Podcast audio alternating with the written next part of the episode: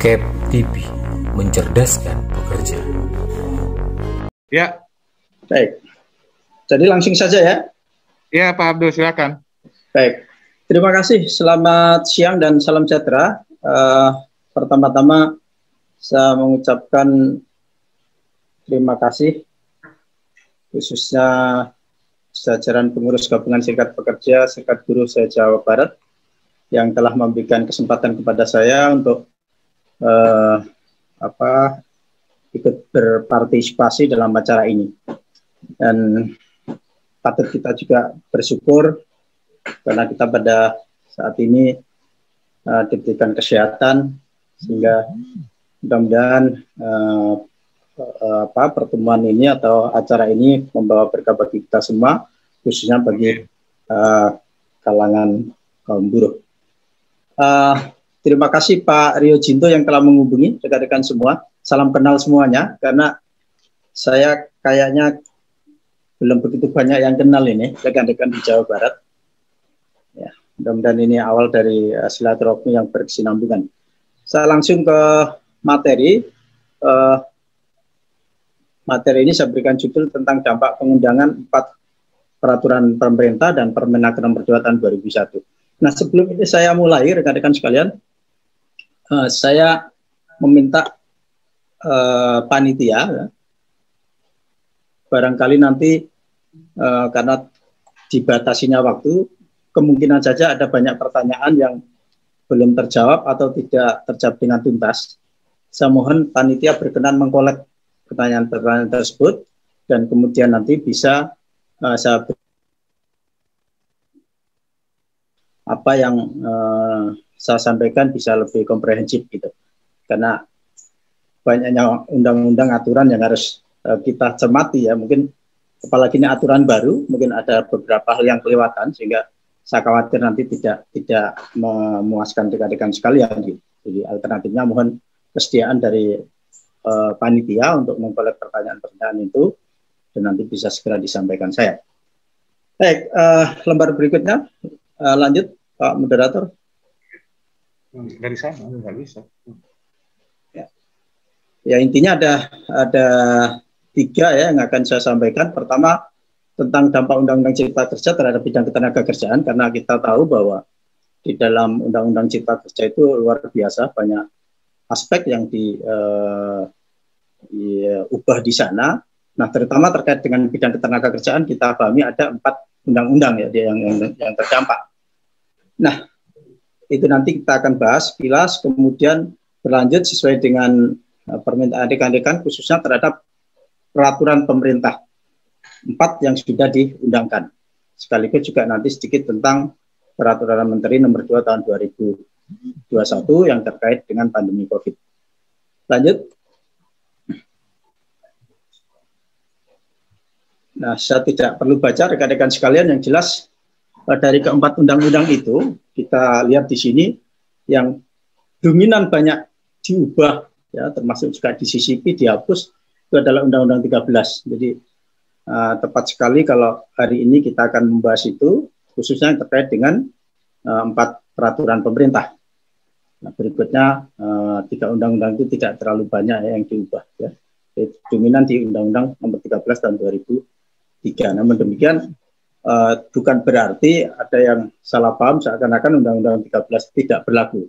Jadi intinya Undang-Undang 13 tetap berlaku sepanjang tidak diubah, disisipi atau dihapus. Jadi tidak semuanya ada uh, beberapa uh, pasal saja yang yang uh, diubah oleh Undang-Undang Nomor 2 Nomor 11 tahun 2020. Lanjut. Nah, ini yang khusus ya, terkait dengan Undang-Undang 13. Kalau saya cermati setidaknya ada eh, uh, 10 item atau 10 hal. Ya. Nah, 10 item atau 10 hal ini kemudian ditindaklanjuti dalam uh, eh, 4 PP. Ya. Itu pun yang terkait langsung dengan Undang-Undang 13 hanya 3 PP untuk saat ini dari enam item yaitu uh, tentang penempatan uh, tenaga kerja asing itu satu PP tersendiri yang kita tahu kemudian PKWT Alidaya waktu kerja dan PHK menjadi satu PP ya, yaitu PP 35 kemudian uh, pengupahan itu 36 dan khusus uh, satu PP tambahan program baru, baru JKP itu PP nomor 37. Nah ini nanti kita akan bahas coba uh, satu persatu. Lanjut. Lanjut. Materinya Pak Moderator. Susah dari sana dia. Nah, langsung kita ke PP yang pertama. Lanjut terus terus. Terkait dengan PP eh, 34 tahun 2001, 2021. Nah, kita tidak mungkin berangkat langsung ke PP, tentu harus mulai dari eh, awalnya dulu karena munculnya eh, PP 34 ini karena adanya perubahan di beberapa pasal dimulai dari pasal 42. Nah, seperti yang uh, kita ketahui di dalam pasal 42 dan 43 itu ada yang uh, sangat mendasar yaitu dengan diubahnya atau adanya kebijakan di mana uh, TKA tidak perlu lagi izin me, apa, mempekerjakan tenaga asing ya. Perusahaan tidak perlu lagi cukup memiliki RTPA saja yang disahkan oleh pemerintah pusat. Jadi tidak seperti sebelumnya. Kemudian juga adanya perluasan-perluasan. Intinya bahwa di dalam pasal 4243 ini adalah uh, memudahkan masuknya TKA di uh, Indonesia. Nah, nah, ini menurut saya tentu uh, berpotensi untuk semakin melimpahnya jumlah tenaga kerja asing di Indonesia dan uh, ujungnya juga akan memarginalkan tenaga kerja Indonesia. Kenapa? Nanti kita akan bahas. Ya. Tentu juga bagaimana kaitannya di dalam uh, undang uh, peraturan pemerintah nomor 34 yang uh, sedang akan kita uh, bedah hari ini. Lanjut mungkin ini lewat saja karena sifatnya ini beberapa kondisi ya. Jadi ya kalau kita cermati si aturan yang berubah itu sebenarnya juga kaitannya dengan kondisi-kondisi ini gitu. Karena bisa jadi peraturannya diubah untuk perbaikan bisa jadi untuk ke kemaslahatan kita. Tetapi sepanjang kondisi seperti ini masih ada di lapangan tentu ini tidak bisa dinafikan. Jadi eh, sangat realistis juga rekan-rekan serikat pekerja, eh, serikat buruh juga eh, apa menolak ke, kehadiran perubahan undang-undang cipta apa undang-undang 13 ini karena khususnya terkait uh, eh, TKA itu kondisi-kondisi yang seperti ini di lapangan ya. Saya, saya dan dikatakan karena saya praktisi jadi saya tahu persis gitu. Ya bagaimana modus transaksional yang begitu rapi ya oleh oknum aparat pemerintah. Ya, ini tidak hanya uh, aparat dari uh, yang memberikan tenaga kerjaan tetapi juga aparat-aparat penegak hukum. Ya ya kita tidak tidak mengeneralisasi tapi terjadi banyak gitu ya terjadi banyak. Kalau bahasa halusnya ya oknum lah gitu. Dan itu sangat sangat menyulitkan gitu untuk pengendalian tenaga kerja asing. Nah, kemudian kuatnya sikap pengabdian uh, sekelompok tenaga kerja Indonesia ya ya kalau bahasa kasarnya itu lebih mementingkan perut sendiri patriotisme luntur ya. Yang penting saya aman lah gitu. Membela uh, apa TKA gitu. Padahal TKA itu tidak benar dalam bekerja dan ada pelanggaran-pelanggaran hukum di dalam penempatannya. Kemudian juga yang tidak kalah pentingnya ya mohon maaf ini ada juga oknum serikat pekerja yang yang tidak hanya apa ya berkontribusi di situ gitu. Jadi melemahnya fungsi kontrol ini lebih pertama soal kapasitas tetapi uh, juga persoalan komitmen ya, integritas itu itu itu penting sekali. Jadi saya kadang-kadang juga menyayangkan ada oknum serikat yang ya kayaknya kayak politisi sehingga tahu itu pelanggaran yang dilakukan oleh dalam penempatan tenaga kerja asing diam saja gitu. Malah ikut-ikut juga transaksional. Ini ini ini terjadi.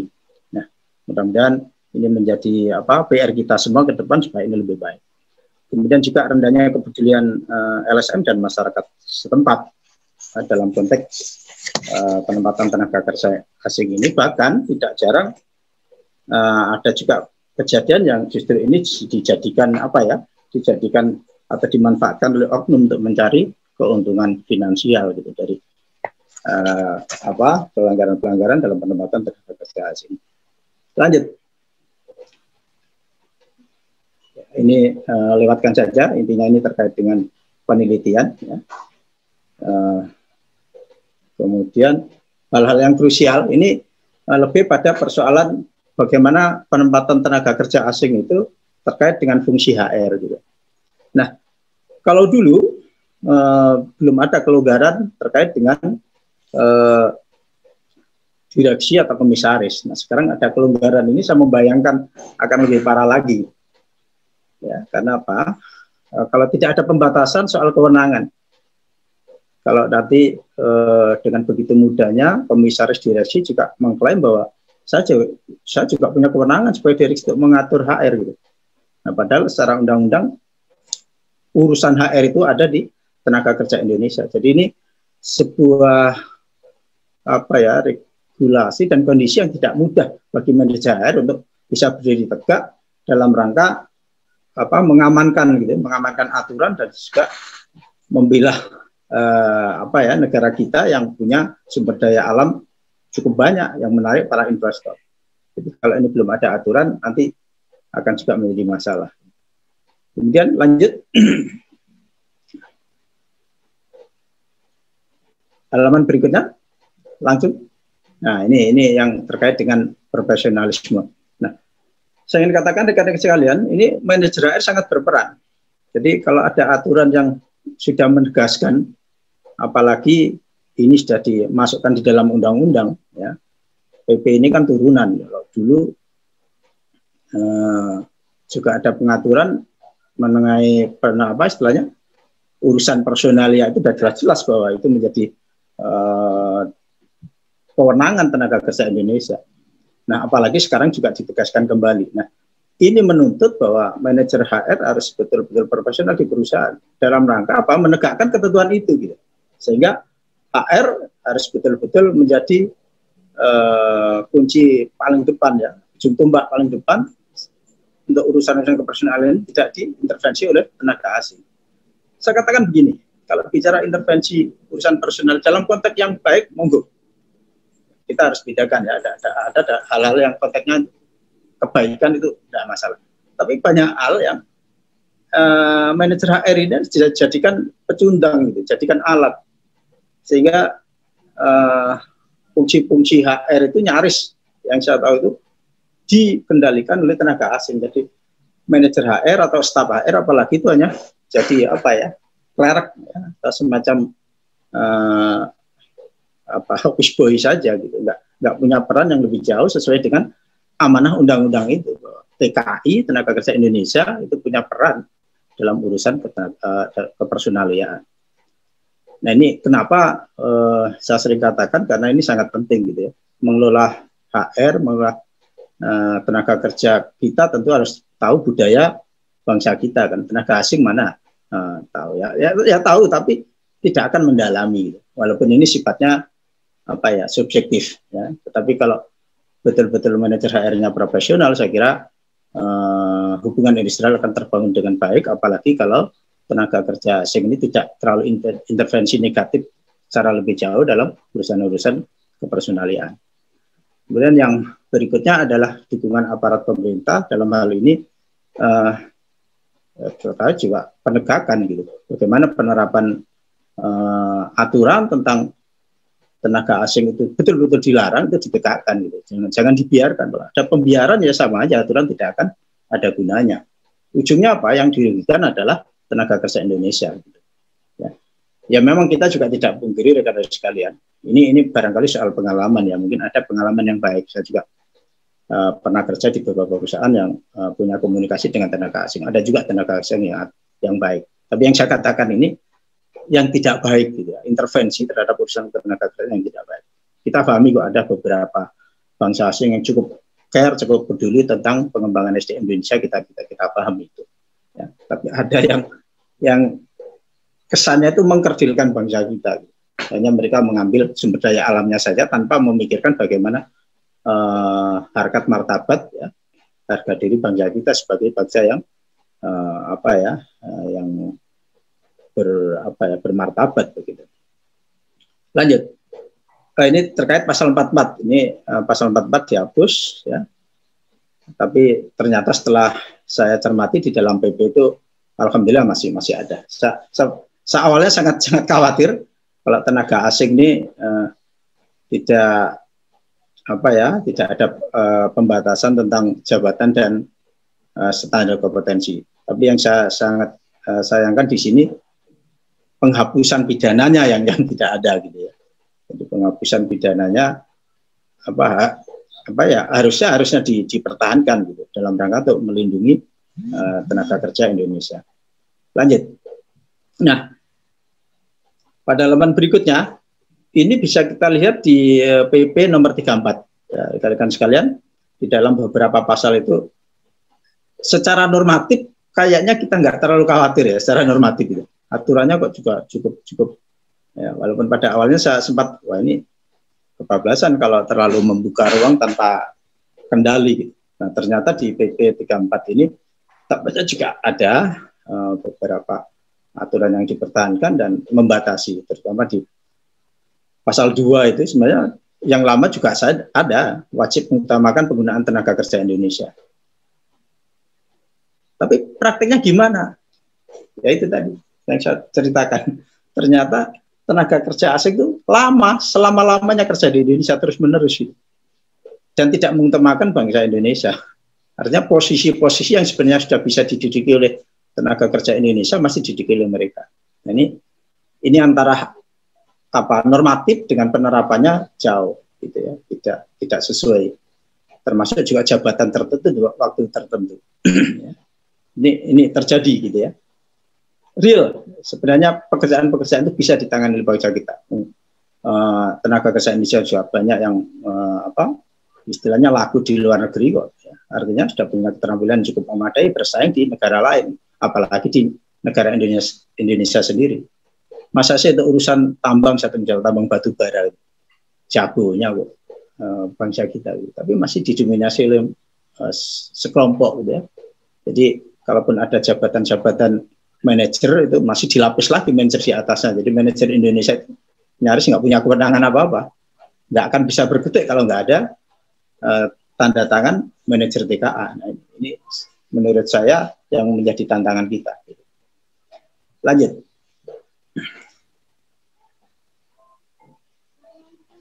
Lanjut ke halaman berikutnya. Nah, nah ini di pasal 149 eh, ya ini pelaksanaan pendidikan bagi uh, pendamping. Ini juga semula saya saya agak-agak miris juga kalau dihapusnya apakah ini nanti akan hilang begitu saja ternyata dalam PP 34 ini masih dipertahankan dan alhamdulillah tinggal bagaimana realisasinya. Nah, saya tidak tahu pengalaman dari rekan-rekan yang lain mungkin lebih baik mungkin ya, tapi saya melihat sendiri Eh, pelatihan-pelatihan terkadang hanya dilaksanakan sekedar formalitas sehingga nyaris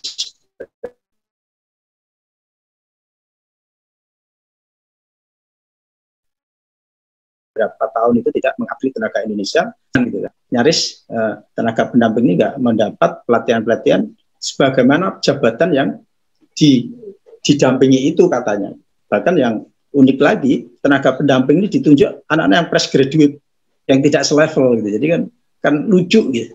Ya. Sehingga ini juga menjadi apa keganjilan dalam penerapan di lapangan terkait dengan pendidikan dan pelatihan untuk tenaga uh, pendamping. Karena tenaga pendamping ini rekan-rekan sekalian tentu tujuannya ke depan walaupun di dalam aturan tidak mutlak mengendalikan tenaga asing, tapi minimal dia memiliki uh, peningkatan uh, keahlian dan apa uh, teknologi gitu, ya, alih alih teknologi dan keahlian itu ada peningkatan. Tapi yang terjadi terkadang ini tidak. Tapi mungkin di luar sana banyak juga yang tidak seperti itu barangkali. Tapi ini ini contoh yang yang uh, kita juga lihat itu. Lanjut.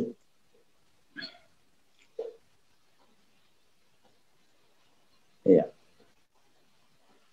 Nah ini yang uh, tadi saya sampaikan, termasuk dari aturan yang sebenarnya sudah memberikan perlindungan gitu. Tapi lagi-lagi bagaimana nanti penerapannya. Artinya di sini sudah ditegaskan bahwa TKA itu tidak boleh rangkap jabatan dalam satu perusahaan yang sama. Tetapi kalau di perusahaan yang lain ya, tapi uh, syaratnya juga harus memiliki, memiliki RPTKA di perusahaan lain itu gitu. Itu itu masih diperbolehkan. Oke, lanjut. Nah, ini ini yang sangat bagus menurut saya. Ada penegasan bahwa pembinaan penggunaan TKA dilakukan loh, luar biasa. Tidak tanggung-tanggung di sini. Dari pusat maupun dari daerah. Nah, yang jadi pertanyaan bagi saya, itu membina atau perlu dibina? Gitu. Kenapa ini, ini persoalan kapasitas, lebih-lebih di daerah. Bagaimana uh, pejabat dinas tenaga kerja di daerah bisa membina tentang penggunaan tenaga kerja, kerja asing. Bahkan jadi saya katakan, jangan-jangan yang lebih pintar ini orang perusahaan, lebih pintar serikat karena sering update, sering uh, training, sering uh, pelatihan. Malah orang dinasnya membeli, bisa jadi. Kenapa? Ketinggalan gitu. Yang yang lebih uh, konyol lagi, kepala dinas nih, eh kepala dinas mohon maaf, eh, termasuk juga stafnya, ibaratnya belum duduk tenang me menghayati, mendalami pekerjaannya, udah buru-buru dipindahkan. Jadi satu misal, ya ini ini, ini terjadi realitas kan. Uh, orang yang tidak memahami, tidak membidangi ketenaga kerjaan dialihkan untuk pindah di ketenaga kerjaan, bisa dari dinas sosial, bisa dari dinas pertamanan, dinas pemakaman, gitu ya. Kan harus belajar gitu yang tidak paham sama sekali. Kemudian menangani masalah tenaga kerja yang cukup kompleks. Contoh kemarin eh, saya sempat ikut itu. Undang-undang Cipta Kerja itu kan sudah berbulan-bulan diundangkan. Loh masa mediator itu bertanya dalam satu sesi, Pak, itu pasangan itu gimana? Kenapa 15 persen itu kok sekarang jadi hilang? Nah ini artinya kan dari pertanyaan itu kelihatan bahwa mediator ini nggak update gitu. Undang-undangnya saya yakin teman-teman serikat kerja sudah tahu 15 persen itu dihapus dari nah, nah, apa, komposisi perhitungan uang pesangon gitu. Ya. Nah ini ini eh, contoh-contoh di mana uh, pegawai atau pejabat yang menangani tenaga kerjaan ini perlu juga dibina. Gimana bisa membina kalau dia sendiri tidak punya kapasitas yang cukup gitu. Akhirnya apa? di lapangan tidak bisa berbuat banyak um, dia kapasitas ilmunya enggak cukup belum lagi uh, integritasnya belum lagi keberaniannya dalam tanda kutip gitu ya karena menegakkan aturan tidak cukup kapasitas dan integritas tapi perlu juga keberanian gitu penyalinya kecil ya nggak bisa jalan itu penegakan itu ya. baik lanjut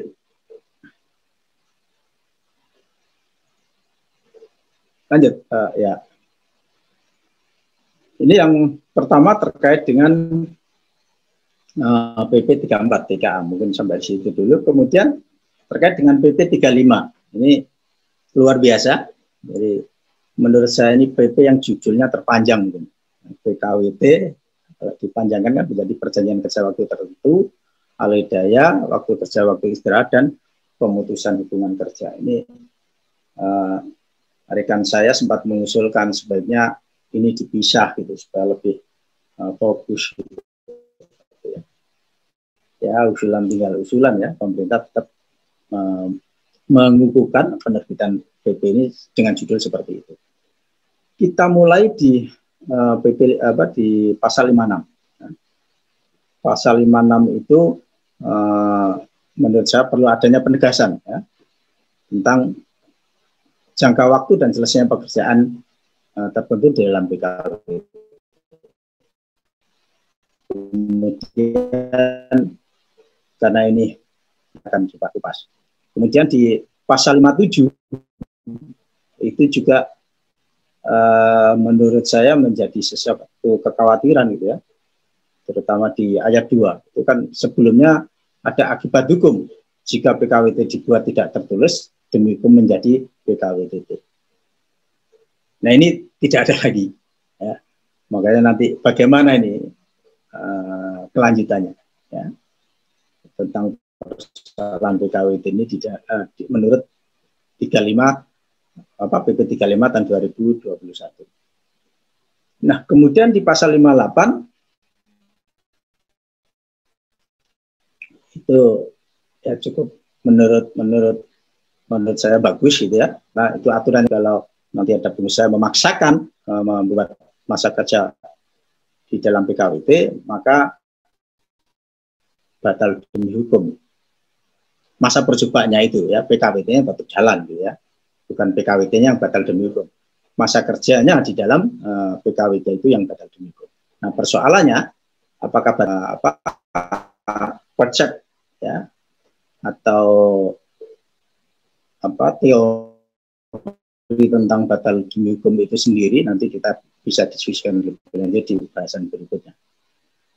Lanjut.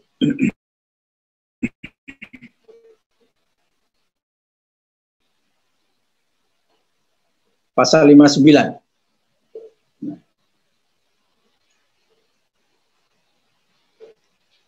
Agak lama ya. Oke. Okay. Nah, di pasal 59 ini kalau uh, saya cermati ada beberapa dan di situ uh, tetap bahwa PKWT itu intinya sebenarnya adalah bagaimana membedakan dengan alidaya ya. Alid kalau alidaya outsourcing itu adalah pekerjaan inti atau tidak tetap. Walaupun kita tahu dan paham dengan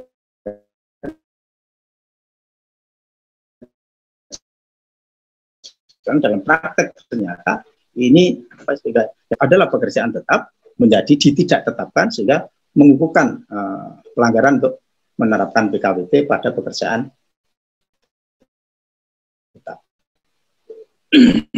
Kemudian berikutnya adalah uh, eh, PKWT harus dicatat undang-undang ya di penjelasan baik di uh, Undang-Undang 13 maupun Undang-Undang uh, Cipta Kerja itu tidak ada kata wajib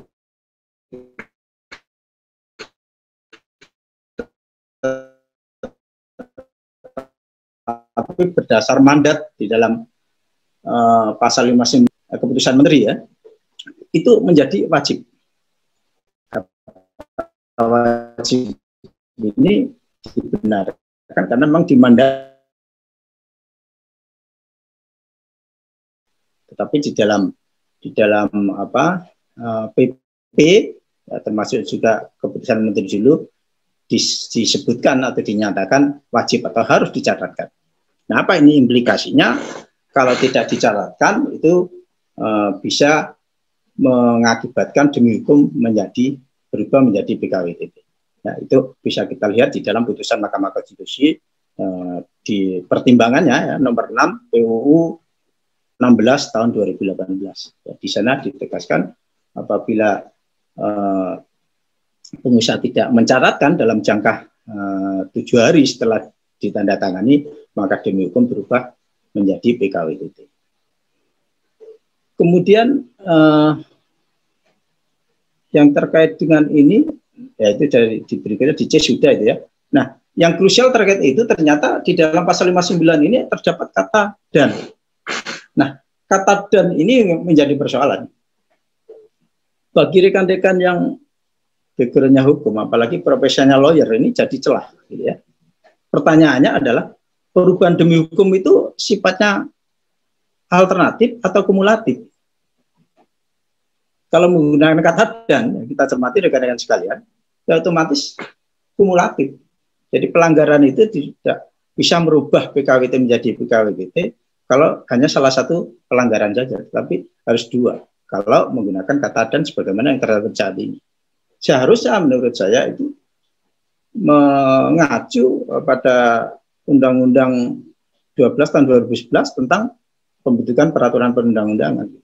Dan rupanya itu juga sudah digunakan, dianut juga di dalam pasal 185. Beberapa uh, ketentuan pidana itu kan akhirnya tidak menggunakan kata dan, kan, menggunakan kata atau artinya pelanggaran yang ter, eh, terjadi yang berimplikasi yang berdampak uh, bisa dikenakan uh, sanksi pidana maupun administratif itu uh, sifatnya adalah alternatif bukan kumulatif. Nah, ini, ini ini ini menjadi celah. Jadi kalau lawyer uh, menjadi pembela serikat pekerja ya harus menggunakan kumulatif gitu. Tapi kalau pembela pengusaha menggunakan apa uh, alternatif. Ini kan jadi bingung kan dalam penerapannya. Kemudian tidak ada lagi perpanjangan. Nah, tidak ada lagi pembaruan yang ada perpanjangan. Ya. kalau di aturan sebelumnya memang PKWT ini dikenal juga perpanjangan dan pembaruan. Yang sebenarnya perpanjangan dan pembaruan ini rekan-rekan sekalian itu tidak berlaku semua untuk jenis PKWT. Kita cermati itu hanya beberapa uh, PK, jenis PKWT yang bisa diperbari mau diperpanjang uh, itu. Ada satu di dalam buku saya itu ada pembedaan. Tapi faktanya dalam di lapangan perpanjangan maupun pembaruan ini dihantam saja semua. Akhirnya ada pula namanya 212 Wiro Sabling gitu ya. Dua tahun kontrak pertama, kemudian nanti pemba apa perpanjangan satu tahun, nanti diperbarui lagi dua tahun. Itu dikenal istilah begitu di NHR 212. Karena menafsirkan bahwa perpanjangan pembaruan berlaku untuk semua jenis PKWT. Nah ini lagi-lagi apa? Pertama soal sosialisasi, kedua pemahaman, tiga ya. Uh, kepatuhan dari uh, apa pengusaha terutama HR yang terakhir adalah penegakan aturannya gitu. Bagaimana uh, aparat pemerintah bisa ngat, apa mengawasi ini dengan baik gitu. Sehingga tidak campur aduk antara perpanjangan pembaruan saja tidak bisa membedakan ya. Ini ini ini persoalan di lapangan nah selanjutnya uh, ini amanah bahwa pengaturan BPJS diatur melalui PP Lanjut. Halaman berikutnya kita mulai bedah yang terkait dengan eh, PP-nya sendiri. Nah, ya ini rekan-rekan sekalian. Di pasal 3 ya, pasal umum pasal 3 itu terdapat apa klausul yang begitu gitu ya. Saya juga untuk apa klausul ini dimunculkan ini? Karena kalau bicara PKWT ya udahlah PKWT saja gitu. Ini malah ada pasal begini yang menurut saya ini menjadi bias gitu. Saya tidak terlalu khawatir bagi rekan-rekan yang backgroundnya hukum, tentu sudah paham gitu. Tapi yang non hukum ini kan akhirnya bisa menafsirkan bahwa PKWT jelas sesuai dengan peraturan perundang-undangan. Kan bisa diplesetkan berarti kalau PKWT boleh dong tidak sesuai gitu. Ya. Padahal aturannya udah jelas ya, bisa uh, kita lihat di dalam pasal 54 kalau nggak salah ayat 2 perjanjian kerja tidak boleh bertentangan gitu dengan uh, peraturan yang lebih tinggi. Peraturan uh, perusahaan perat, uh, perjanjian kerja bersama dan peraturan perundang-undangan. Itu jelas gitu. Tapi dengan adanya pasal ini menurut saya ya nambah PR lah gitu. Nambah kerancuan bagi yang tidak paham itu. Kemudian uh, lanjut di pasal 4 itu nah itu penegasan ya sebenarnya. Bahwa PKWT tidak dapat diadakan untuk pekerjaan yang bersifat tetap. Sudah jelas sih. Dari dulu juga seperti itu. Ya kan? Jadi sebenarnya kalau secara normatif sih ya sudah sudah cukup aman lah begitu ya walaupun ada juga perlu yang apa koreksi-koreksi eh, apa beberapa koreksi tapi ada yang yang aman tapi lagi-lagi penerapan di lapangan yang belum aman ya, yang belum sesuai dengan aturan undang-undang. Ya, dan tadi seperti yang saya jelaskan, membedakan tetap dan tidak tetap aja bukan tidak bisa, tapi sengaja dikaburkan. Sehingga ada istilah macam-macam pokoknya. Saya kadang-kadang itu geli sendiri. Yang istilah servis kontrak lah, yang servis apalah gitu ya. Pokoknya bagaimana yang bodoh itu tambah bodoh, ya, dibuat bodoh. Yang lemah semakin menjadi lemah. Lanjut. halaman berikutnya di pasal 6 ya nah di pasal 6 PP 35 nah ini ini ini ini, ini unik rekan-rekan sekalian ya kalau kita lihat di pasal 59 ayat 1 uh, huruf B itu sama di sini dikatakan dalam waktu yang tidak terlalu lama. Nah, pertanyaannya setelah kita telusuri di beberapa pasal uh, PP 35 ini tidak terlalu lamanya malah ditambah jadi lima tahun. Ya, saya kurang tahu ini. Kalau tiga tahun saja sudah menurut saya itu lama gitu. Namanya tidak terlalu lama itu logikanya ya jangan lebih malah tiga tahun gitu. Ini ukuran paling lama kalau lima tahun lima tahun itu kalau anaknya apa kuliah gitu. Kalau pinter malah S1 tiga tahun, dua tahun S2 itu bisa dua dua uh, lembar ijazah sebenarnya. Tapi di sini lima tahun, ya. Tapi itulah aturannya. Jadi menurut saya pengertian tidak terlalu lama ini kok kontroversi dengan lima tahun itu. Nggak tahu ini standarnya paling lama itu standar apa? Standar dunia apa? Standar akhirat gitu ya. Kalau standar akhirat memang satu hari di akhirat itu seribu tahun di dunia gitu. Mungkin begitu ya. Kemudian ya, di pasal 8 ya, itu juga sudah ditegaskan. Jadi PKWT jangka waktu berdasarkan jangka waktu itu dimaksud dalam pasal 5, 5 ayat 1 itu sebenarnya sama dengan pasal 59 ayat 1. Sama itu eh, paling lama lima tahun. Ya, karena di situ terbagi menjadi empat ya, rekan-rekan sekalian untuk PKWT itu. Ada eh, di antara juga perjanjian harian eh, perjanjian kerja harian yang dulu istilahnya perjanjian kerja harian lepas sekarang istilahnya disingkat menjadi pekerja eh, perjanjian kerja harian tidak ada kata lepas lagi nah yang menarik bagi saya ini di ayat 2 pasal 8 ayat 2 itu uh, menurut saya cukup bagus ya itu ditegaskan ya, walaupun sayangnya kok menjadi lima tahun. Itu ada penegasan dengan ketentuan jangka waktu keseluruhan PKWT beserta perpanjangan perpanjangannya tidak lebih dari lima tahun. Kalau dulu kan tidak tidak ada penegasan ini, sehingga bisa ditafsirkan ya panjang lebar gitu. Ya, bisa ditambah-tambah. Sehingga ada penafsiran dulu dibatasi paling lama tiga tahun ternyata ada mengartikan boleh lima tahun. Akhirnya sekarang ditetapkan lima tahun sekalian ini sebenarnya sudah apa ya bertentangan dengan prinsip paling lama itu masa paling lama kok lima tahun. Tapi bagusnya di dalam PP ini ada penegasan bahwa lima tahun itu termasuk perpanjangan. Jadi tidak tidak uh, secara hukum tidak boleh lebih gitu ya. Artinya paling lama lima tahun ya Nah, nanti ditambah lagi Pak, belum belum belum diterapkan saja sudah ada yang bertanya. Berarti bisa lima tahun lagi Pak, 10 tahun. Ya masa kontrak itu selama lamanya ya dalam realitas mungkin sampai 20 tahun ya terjadi itu. 20 tahun bahkan sampai ada yang meninggal dunia tuh menjadi nasib karyawan kontrak terus gitu. Ya memang begini rekan-rekan sekalian. Kita juga paham ya tidak semuanya pekerjaan itu tetap semua. Tetapi juga tidak semuanya kontrak semua kan. Apalagi kalau pekerjanya itu ya baik prestasinya ya memang punya kemampuan lebih kan juga perlu dihargai. Walaupun ini juga kalau dalam tataran praktis ya terkait dengan kebutuhan perusahaan kan gitu. Tetapi masa sih pekerjaannya itu jelas pekerjaan tetap kok menjadi kontrak terus ini kan dolim lah menurut saya dolim atau kalau istilah yang ekstrim kita mengatakan adalah perbudakan gaya modern Oke, lanjut.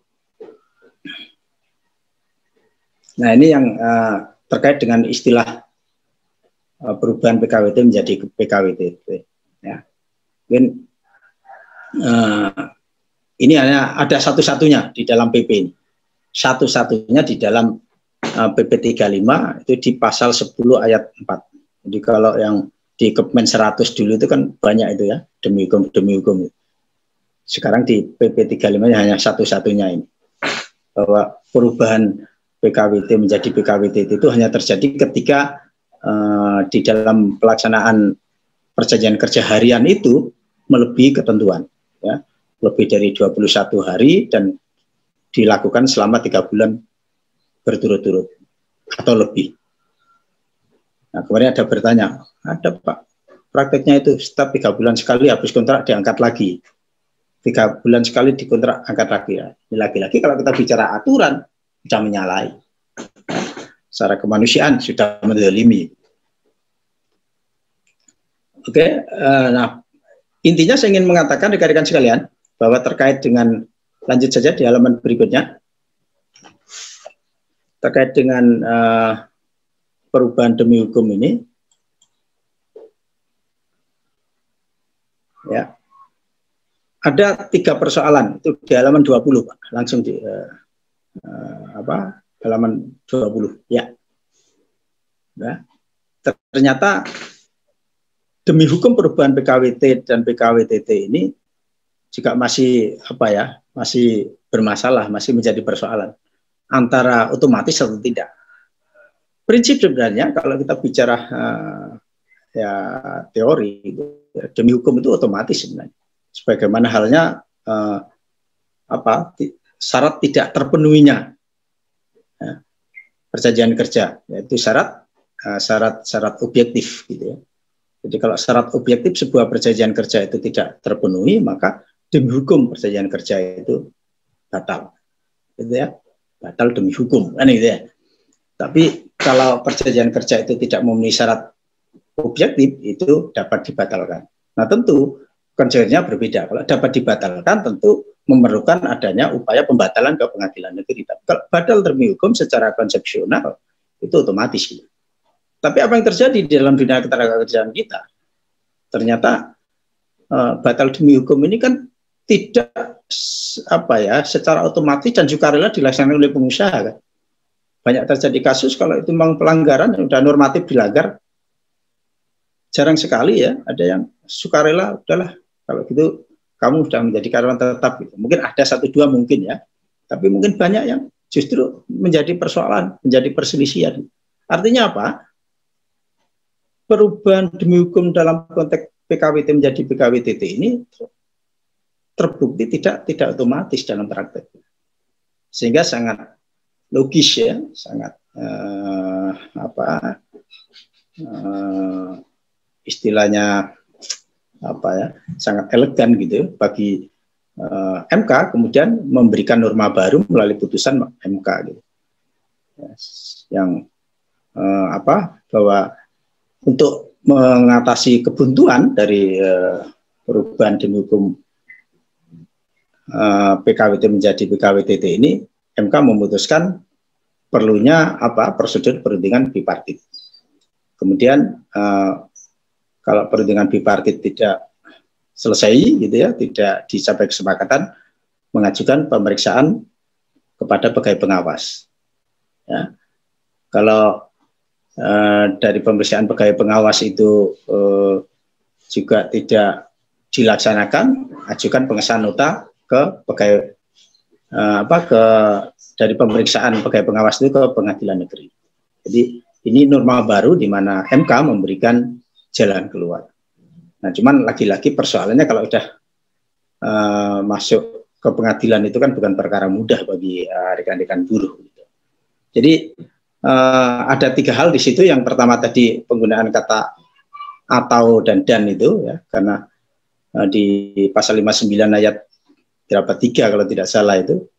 Itu mengatakan uh, penggunaan kata dan gitu ya. Semestinya pakai atau kemudian uh, artinya itu tidak apa ya jadi persoalan gitu ya. Kemudian norma baru yang diterapkan oleh MK itu pun juga masih uh, terkendala pelaksanaannya. Karena sampai sekarang saya juga mendengar dari beberapa uh, pengawas itu konon katanya masih perlu petunjuk lebih lanjut gitu. Jadi masih kesulitan tetapi di uh, eh, PP sekarang ya PP sekarang itu 35 itu maaf tertulis draft PP di pasal 10 ayat 4 itu kan demi hukum. Artinya itu ber, berlaku otomatis karena dikatakan uh, tidak perlu lagi apa uh, memerlukan perjanjian tulis atau keputusan tertulis lainnya.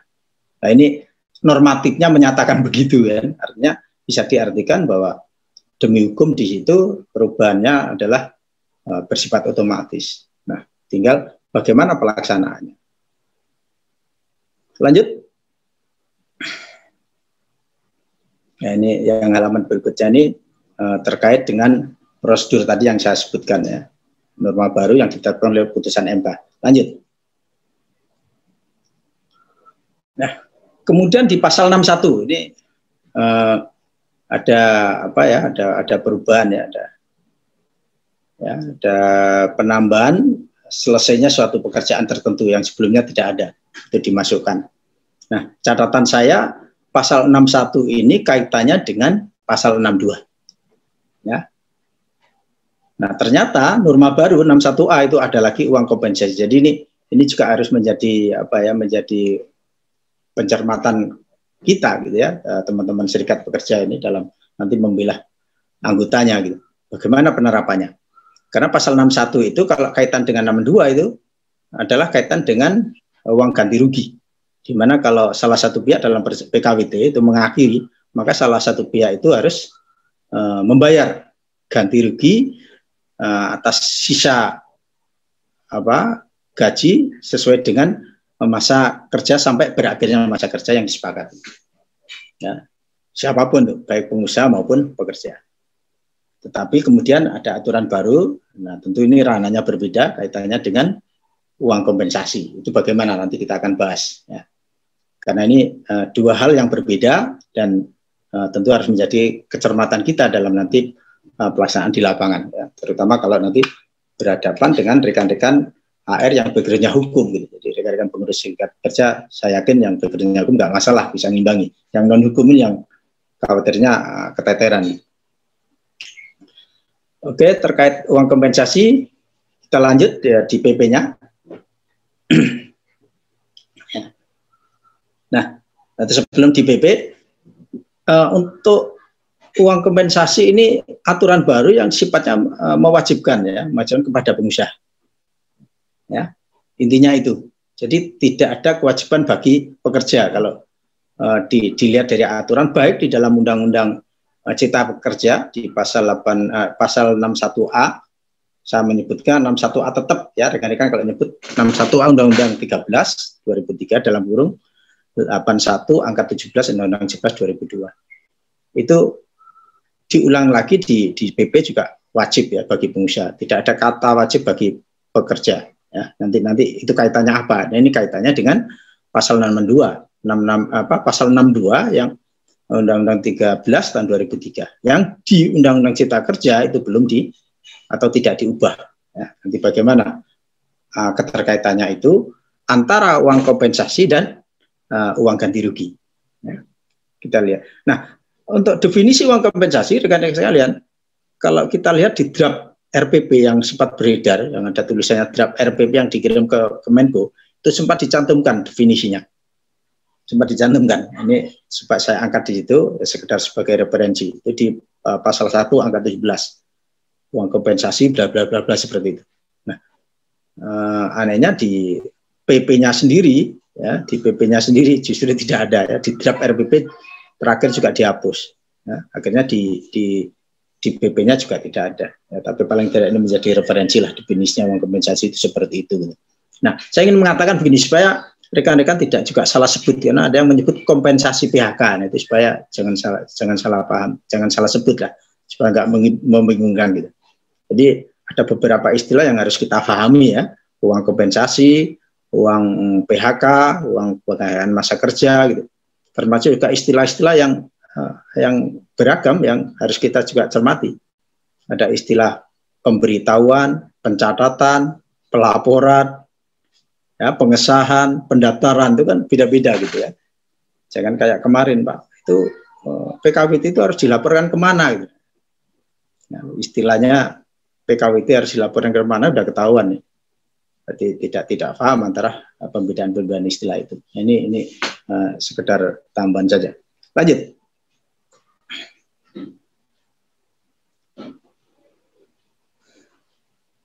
Nah, kalau kita cermati di pasal 15 dan pasal 16 PP 35 itu ya ayat sat, uh, untuk uh, ayat 1 dan ayat 3 itu ditegaskan bahwa sama ya sebenarnya di undang-undang uh, cipta kerja itu wajib ya. Diwajibkan oleh pengusaha kepada pekerja PKWT yang telah mempunyai masa kerja paling sedikit satu bulan secara terus menerus kalau tidak salah ini uh, kurang lebih sama dengan uh, eh, THR ya satu bulan secara terus menerus. Kalau dulu THR kan tiga bulan terus secara terus menerus ya. Alhamdulillah itu diubah. Artinya uh, dalam tataran normatif berpihak kepada pekerja. Nah, sama halnya uang kompensasi ini diatur paling sedikit satu bulan terus menerus. Gitu. Kemudian kalau ada perpanjangan itu juga diatur di pasal 15 ayat 4 di uang kompensasinya itu diberikan ya, diberikan saat sebelum perpanjangan. Artinya sebelum berakhir PKWT yang pertama itu diberikan. Kemudian untuk perpanjangannya sendiri juga tetap diberikan pada saat perpanjangannya berakhir. Jadi kalau ditanya kemarin sudah ada bertanya, berarti uang kompensasi pertama saja Pak. Nah, aturannya sudah mengatur. Perpanjangan pun juga wajib memberikan uang kompensasi. Dan ini uh, menurut saya uh, dalam tanda kutip memberikan keuntungan bagi pekerja daripada dulu tidak ada uang kompensasi kan. Pesangon nggak dapat, kompensasi nggak dapat, lebaran nggak dapat gitu. Pada waktu lebaran saya melihat aduh kasihan teman-teman yang kontra ini. Hanya gigit jari ya melihat teman-teman yang lain yang karena tetap dapat THR, dapat tunjangan ini, dapat itu dan lain sebagainya fasilitas yang berlebih. Sementara teman-teman yang eh, PKWT nggak dapat apa-apa. Padahal, padahal juga merayakan hari raya yang sama. Ini alhamdulillah uh, ada perbaikan-perbaikan.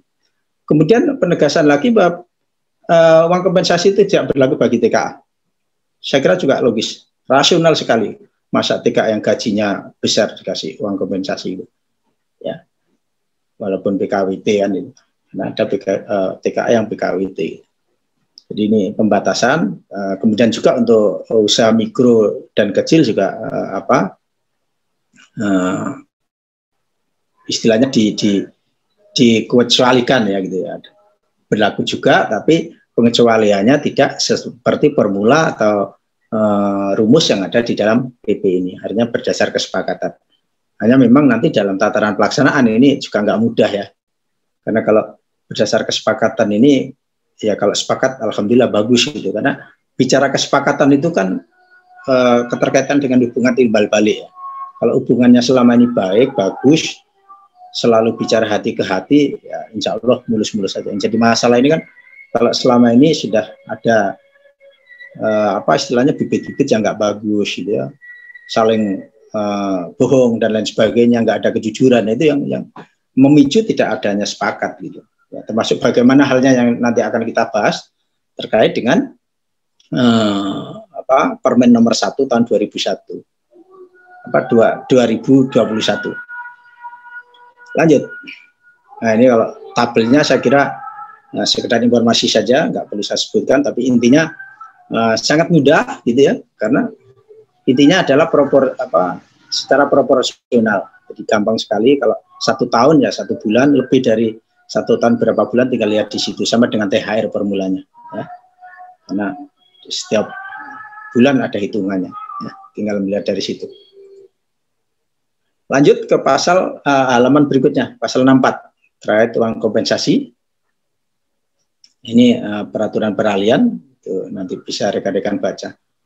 Artinya untuk PKWT yang, yang berjalan masih belum berakhir, itu nanti akan tetap berhak uang kompensasi. Cuman uang kompensasinya tidak dihitung sejak PKWT sebelumnya, sejak berlaku PKWT, tapi dihitung sejak berlakunya Undang-Undang 11 uh, 2020, ya, Undang-Undang Cipta Kerja.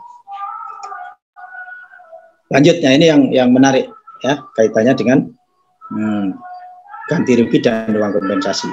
Ya, ini yang uh, perlu rekan-rekan uh, apa pahami bersama bahwa ini uh, dua hal yang berbeda.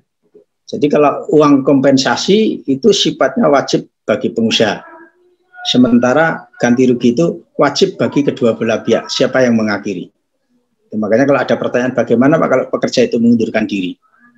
Jadi kalau ada pekerja mengundurkan diri, maka uang kompensasinya tetap diberi, tetapi dia punya kewajiban untuk membayar ganti rugi kepada pengusaha. Ini aturannya.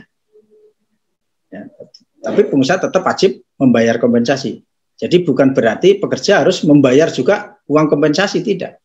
Ya, di situ sudah jelas bahwa apabila salah satu pihak mengakhiri hubungan kerja ya sebelum berakhirnya jangka waktu PKWT gitu ya, itu pihak yang mengakhiri itu diwajibkan. Artinya kan kedua belah pihak. Tapi kalau uh, pasal 17 ini sudah jelas yang wajib adalah pengusaha. Jadi kalau uh, pekerja mengundurkan diri, pengusaha punya kewajiban menurut pasal ini membayar uang kompensasi ya, pekerja yang PKWT itu.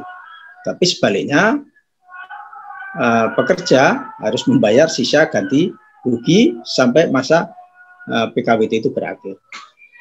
Sebaliknya kalau yang mengakhiri pengusaha, pengusaha punya dua kewajiban yang berbeda yaitu membayar uang kompensasi dan juga uang ganti rugi. Jadi ini ini clear jangan nanti diputar-putar ya. Jangan diputar-putar dalam praktek di lapangan nanti pekerja juga disuruh membayar uang kompensasi gitu. Aturannya mana karena yang diwajibkan adalah pengusaha. Lanjut. Kemudian uh, kita ke alidaya. Ya. Nah, secara singkat di alidaya ini rekan-rekan sekalian, ya saya kira sudah sangat paham lah bahwa masalah di lapangan tidak semudah yang kita lihat apa yang enggak semudah kita bayangkan kan. Artinya kompleks sekali gitu. Tapi aturannya juga sangat simpel gitu. Ya, sangat simpel. Kalau dulu di uh, Undang-Undang 13 itu masih ada tiga pasal yang uh, membedakan pemborongan pekerjaan dengan penyedia jasa pekerja buruh. Di sini pasal 6465 dihapus, hanya tinggal 66, uh, di mana yang semula adalah penyedia jasa pekerja buruh menjadi istilah alidaya. Ya, saya, nggak tahu nanti ke depannya apakah itu uh, Permen 19 2012 itu nanti tetap dipertahankan uh, untuk hal yang masih relevan atau nanti diubah. Kayak nanti uh, uh, akan ada penyesuaian gitu ya. Karena sudah tidak ada istilah lagi uh, tentang pemborongan pekerjaan. Walaupun dalam praktek itu uh, pasti terjadi dua itu ada pemborongan pekerjaan dan penyediaan jasa pekerja garis miring buruh. Lanjut. Nah, kalau bicara pasal 66 rekan-rekan sekalian, 66 yang diubah dalam pasal 81 angka 20 Undang-Undang Cipta Kerja itu eh, terdapat beberapa hal ya yang perlu kita cermati ya. Pertama, adanya istilah penyerahan sebagian pelaksanaan pekerjaan kepada perusahaan lain yang dulu tertera di pasal 64 dan 65 itu sudah tidak tidak ada lagi berganti istilah alidaya atau outsourcing yang istilah populernya. Makanya pertanyaan saya bagaimana dengan uh, Permen 19 2011 yang beberapa poinnya juga mengakomodasi uh, putusan uh, Mahkamah Konstitusi termasuk di antaranya adalah uh, perlindungan uh, tenaga kerja atas pekerjaan yang masih ada objeknya. Ya. Kemudian hubungan kerja dalam outsourcing itu eh, hanya terjadi antara pekerja dengan perusahaan pemberi eh, penerima pekerjaan. Ya, ini se secara konsepsional, secara hukum benar, gitu. karena memang ada asas asas apa dalam perjanjian kerja itu namanya asas personalitas. Jadi perjanjian kerja itu mengikat para pihak. Tapi kemudian dalam praktek kan tidak seperti itu. Nanti kita kita bahas itu dalam uh, kaitan dengan alidaya ini. Hubungan kerja menjadi bergeser yang semula hanya dua pihak seperti ini, ya, tetapi menjadi pihak dalam praktek yang justru ya justru melemahkan posisi pekerja. Ya. Maka uh, beberapa hal hukum menyatakan ini uh, tidak apa ya tidak tidak fair, tidak benar gitu ya. Sampai mengatakan ini adalah uh, istilahnya perbudakan gaya baru. Kemudian tidak ada pengaturan pembatasan pekerjaan yang boleh dioutsourcingkan. Ini kalau kita lihat di eh, Undang-Undang Cipta Kerja juga di dalam uh, apa PP ya PP yang sekarang itu juga memang tidak ada. Apakah ini nanti akan diatur lebih lanjut melalui peraturan menteri atau apa? Mudah-mudahan seperti itu ya karena di pasal 20 uh, PP ini mengamanatkan adanya uh, peraturan lebih lanjut ya oleh pemerintah pusat. Apakah itu akan di, diatur di sana? Ya. Karena uh, ketika hiruk pikuk tentang perubahan undang-undang apa 13 dalam undang cipta kerja itu kan juga sempat mengicau kita ya. Bahkan hari ada istilah nggak ada kelipatan uang pesangon dan sebagainya. Artinya sama sekali nggak ada. Tapi alhamdulillah walaupun hanya ada satu masih ada ternyata ya masih ada untuk bekerja ya walaupun hanya untuk bekerja karena PHK meninggal dunia gitu. Itu kan sempat ada isu itu dan itu di, dilontarkan uh, teman-teman Abindo gitu ya. Nggak ada kelipatan itu. Ya, walaupun sekarang terjadi pengurangan-pengurangan ya. Ternyata masih ada satu ya. Satu kelipatan dua kali uh, uang pesangon. Kemudian uh, dalam PKWT tidak ada lagi uh, mensyaratkan pengalian. Ya. Ada pengalian itu, pengalian perlindungan tenaga kerja. uh, perlindungan hak pekerja. Ini yang saya sebut tadi 2V itu ya. Itu berdasar putusan Mahkamah Konstitusi. Terus yang C itu mohon maaf itu tidak ada peralihan hubungan kerja betul. Jadi kalau dulu ada peralihan hubungan kerja. Jadi kalau konsepnya sekarang adalah memang hubungan kerja apa perjanjian kerja dalam alidaya itu hanya hubungan kerja antara uh, pekerja dengan perusahaan vendor itu yang benar gitu ya. Tetapi kan bagaimana kalau vendornya ini ceroboh, vendornya melanggar hukum dan merugikan pekerja?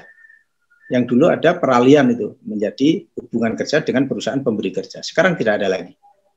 Sekarang tidak ada lagi dengan adanya uh, kebijakan yang menegaskan bahwa hubungan kerja itu sepenuhnya menjadi tanggung jawab perusahaan penerima pekerjaan. Di satu sisi itu betul secara uh, asas perjanjian kerja, di sisi lain ini menjadi apa kerugian bagi rekan-rekan pekerja karena apa? Ya tidak sedikit ya perusahaan-perusahaan vendor ini yang nakal juga gitu. Bahkan begitu pekerjaan habis karyanya ditinggalkan begitu saja tanpa jelas ujung pangkalnya. Terus siapa yang bertanggung jawab? Dan itu banyak terjadi. Saya pun juga pernah menangani kasus seperti itu kerja uh, tambang ya kerja tambang ditinggalkan oleh kontraktornya. Nah ini harusnya kan perusahaan uh, pemberi pekerjaan yang ikut bertanggung jawab secara tanggung renteng semestinya. Tapi uh, konsep atau sistem tenaga kerjaan kita punya kebijakan lain bahwa ini hubungan kerja yang langsung dengan perusahaan uh, apa istilahnya vendornya perusahaan penerima kerja. Lanjut Nah, ini langsung ke PP 35 pasal 18. Ya. Itu enggak enggak apa ya, artinya enggak surprise lah gitu. Dari dulu ya namanya uh, BKWTT. Tapi yang yang tadi saya jelaskan ini sudah tidak ada lagi apa hubungan uh, kerja ya, tidak ada ada peralihan hubungan kerja. Nah, kita paham rekan-rekan sekalian, di Undang-Undang 13 itu ada istilah pemberi kerja gitu. Sementara hubungan kerja itu adalah hubungan antara pengusaha dan pekerja. Tidak ada istilah di situ hubungan pemberi kerja dan pekerja, tidak ada. Di pasal 1 angka 15, hubungan pengusaha dan pekerja. Nah, pemberi kerjanya di mana? Pemberi kerja itu ketika tadi ada peralihan hubungan kerja, ketika Eh, perusahaan uh, alidaya itu melanggar aturan, tidak memenuhi aturan, maka hubungan hukum beralih ke perusahaan pemberi kerja. Itu baru terjadi hubungan kerja ketika ada peralihan atas pelanggaran uh, apa perusahaan alidaya itu tidak memenuhi ketentuan. Atau sebaliknya perusahaan pemberi kerja menyerahkan uh, sebagian pelayanan pekerjaan ke perusahaan penerima pekerjaan yang tidak uh, memenuhi persyaratan. Jadi ada ada dua pihak di situ yang uh, menerima konsekuensi. Lanjut uh, di berikutnya. Nah ini ini juga perlu dipahami oleh rekan-rekan sekalian.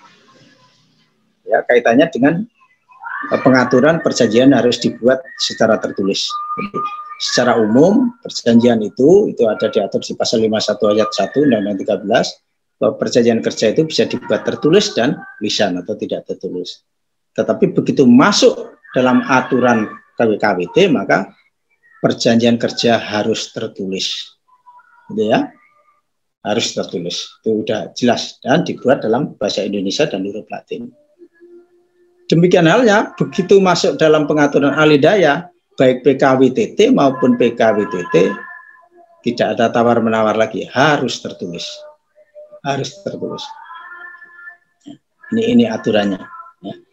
jadi eh, ini juga perlu difahami oleh semua gitu. Jadi jangan sampai nanti PKWT ini dibuat tidak tertulis apalagi di dalam alidaya kenapa? Ini kaitannya juga nanti kalau terjadi perselisihan kalau terjadi perselisihan kan sulit pembuktiannya akan ada usaha yang lebih keras lagi bagi buruh untuk membuktikan adanya hubungan kerja. Bukan bisa Pak nanti uh, manggil saksi atau bisa Pak slip gaji untuk bukti bisa-bisa saja. Ya, tapi kan akan lebih mudah kalau ada perjanjian secara tertulis, gitu ya. Apalagi kalau bicara saksi, saksi ngundang teman kita jadi saksi bisa-bisa ketakutan. Ya, dilarang oleh atasannya, dilarang oleh perusahaan itu nggak mudah juga. Kecuali saksi yang sudah keluar dari perusahaan itu, gitu ya, yang akan nanti menguatkan posisi uh, pekerja sebagai penggugat, gitu. Ya. Jadi akan lebih aman uh, kalau kita uh, melaksanakan perjanjian kerja, apalagi di alidaya itu harus tertulis. Nah. Lanjut. Oke, pasal uh, eh, 19 ini sebenarnya mengadopsi uh, beberapa pasal di Permen 19 2012 ya. Ini kaitan uh, TUFI. Ya, cuman yang yang jadi masalah di sini kalau menurut putusan MK itu sudah ditegaskan gitu. Kalau ada PKWT yang tidak mencantumkan ini, TUP ini, ya akan beralih menjadi PKWTT. Itu itu tidak ada. Nggak tahu apakah nanti di uh, permen selanjutnya uh, sebagai pelaksanaan ini dicantumkan kembali atau tetap menggunakan uh, permen 19 2012 itu karena itu di permen uh, 19 itu jelas di. Kalau tidak menjamin, tidak mencantumkan uh, pembunuhan hak pekerja di dalam PKWT itu maka PKWT itu uh, PKWT menjadi PKWT uh, PKWT secara demi hukum. Lanjut. Nah ini uh, kaitannya. Jadi di dalam mm, PP 35 ini hanya tiga pasal rekan-rekan sekalian, 18, 19, 20. Nah 20 pun di situ uh, tidak tegas juga, tapi harapan saya nanti di ayat 2 itu akan diterjemahkan lebih rinci lagi bagaimana pengaturan-pengaturan uh, alidaya ya termasuk juga PKWT-nya nanti uh, juga masih melindungi uh, pekerja atau buruh ya walaupun saya tahu uh, rekan-rekan serikat serikat serikat buruh juga menolak ini ya dan nanti bisa kita diskusikan ya karena ini sebuah sebagai kenyataan bahwa ini sudah diundangkan dan mau tidak mau kita harus mengikuti ya tentu dengan upaya-upaya ke depan ini bagaimana lebih baik ya itu menjadi PR kita bersama. Lanjut. Nah ini yang yang saya mau diskusikan rekan-rekan sekalian. Ya, tadi sudah saya singgung bahwa perjanjian kerja itu sudah jelas ya hanya pekerja dengan pengusaha. Eh, ya dan pemberi kerja. Tapi begitu masuk di dalam hubungan kerja itu hanya pengusaha dan pekerja buruh. Tidak ada di sana adalah uh, pemberi kerja gitu ya. Jadi hubungan kerja adalah hubungan antara pengusaha dan pekerja garis miring buruh berdasarkan perjanjian kerja. Ya. Jadi artinya tidak ada pemberi kerja. Tapi begitu bicara pemberi kerja itu uh, adalah kaitannya dengan peralihan tadi. Jadi kalau nanti terjadi peralihan hubungan kerja, maka terjadi perjanjian kerja antara pekerja dengan pemberi kerja atas peralihan ya, akibat dari pelanggaran uh, pelaksanaan uh, alidaya yang bertentangan dengan hukum. Halo, suara bisa diterima dengan baik masih? Halo? Masih, masih, Pak. Masih, masih. Masih, masih, masih, Pak. Baik, baik. Baik. Oke, lanjut di halaman berikutnya, Bapak Ibu sekalian. Nah, ini ini lebih clear lagi. Ya. Ini ada tiga pihak. Ya. Halo? di slide berikutnya ada tiga pihak di dalam alidaya itu ya. Ada perusahaan pemberi kerja atau biasanya disebut user. Kemudian ada perusahaan alidaya, ya, perusahaan penerima kerja dan buruh. Nah, inilah Bapak Ibu sekalian ya, rekan-rekan, ini yang sering di, di, di, di apa diputar-putar di salah disalah-salahkan. Padahal jelas eh, hubungan perusahaan pemberi kerja dengan perusahaan lidaya itu adalah hubungan bisnis itu berlandaskan hubungan kemitraan. Nah kalau hubungan uh, pekerja dengan perusahaan lidaya itu adalah hubungan kerja. Sehingga berbeda dasar hukumnya berdisa, be, berbeda filosofinya. Ya. Jadi kalau hubungan antara perusahaan pemberi kerja dengan perusahaan alidaya itu jelas-jelas berdasar prinsip kemitraan. Tidak ada dominasi, tidak ada perintah ya. Dalam tanda kutip seperti uh, hubungan perusahaan dengan uh, pengusaha dengan pekerja ya, dalam hubungan kerja itu. Nah, di situ maka uh, menurut beberapa ahli hukum perburuan dikatakan bahwa hubungan kerja itu merupakan hubungan di peratasan, hubungan subordinat. Karena jelas di dalam pasal 15 uh, di pasal 1 angka 15 bahwa hubungan kerja itu dinyatakan berdasar unsur pekerjaan, uh, upah dan perintah. Artinya pekerja itu di bawah perintah pengusaha. Nah, bagaimana hubungan antara perusahaan pemberi kerja dengan pekerja? Tidak ada hubungan hukum. Ya, sudah jelas itu, tidak ada hubungan. Tetapi dalam praktek perusahaan pemberi kerja jelas berwenang memberikan perintah dan pengawasan terhadap pekerja alidaya itu. Karena apa? Dia bekerja di perusahaannya. Dan itu umumnya dituang di dalam uh, perjanjian kerjasama antara perusahaan pemberi kerja dan perusahaan alidaya. Nah inilah yang melemahkan posisi pekerja. Sepanjang pengawasan perintahnya itu dilaksanakan dengan baik, tidak e, menyalahi aturan gitu, tidak semena-mena, tidak masalah gitu ya. Tapi siapa bisa menjamin? Karena kadang-kadang ada kesewenang-wenangan, salah sedikit sikat keluarkan dan perusahaan alidaya nggak akan berani menolak itu. Coba-coba menolak malah diputuskan kontraknya kan gitu. Inilah yang dikatakan uh, apa perbudak gitu pekerja karena tidak ada secara hukum tidak ada hubungan hukum, tapi dia punya kewenangan yang sangat dominan.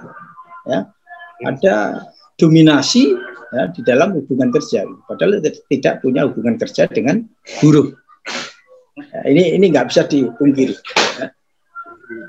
Nah, walaupun uh, dalam praktek ya, dalam hubungan kemitraan itu juga apa ya, uh, juga berlaku hubungan sub koordinat juga gitu. Artinya apa? Dengan penekanan-penekanan dari perusahaan pemberi kerja kepada perusahaan penerima pekerjaan, nyaris tidak bisa berbuat, berbuat banyak untuk melindungi pekerjaannya, karyawannya.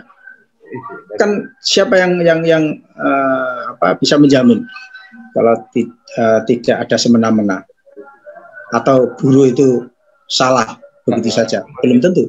Bisa jadi bekerja itu benar, tapi karena soal kewenangan lebih tinggi oleh perusahaan pemberi kerja ya buruh tidak bisa berbuat apa-apa melawan uh, pemberi kerja kan.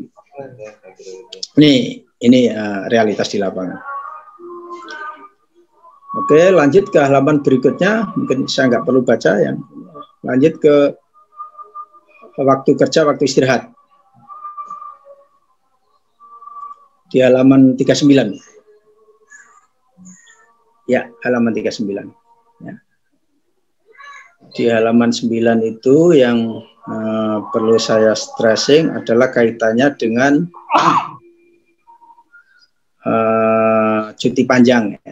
Kalau untuk apa penambahan jam kerja lembur, kalau menurut saya sih intinya uh, bagaimana pekerja itu mau atau tidak, karena pelaksanaan jam kerja lembur itu kan harus persetujuan dengan pekerja, tapi umumnya pekerja juga senang ya, senang bekerja lembur, tentu disesuaikan dengan kondisi fisiknya.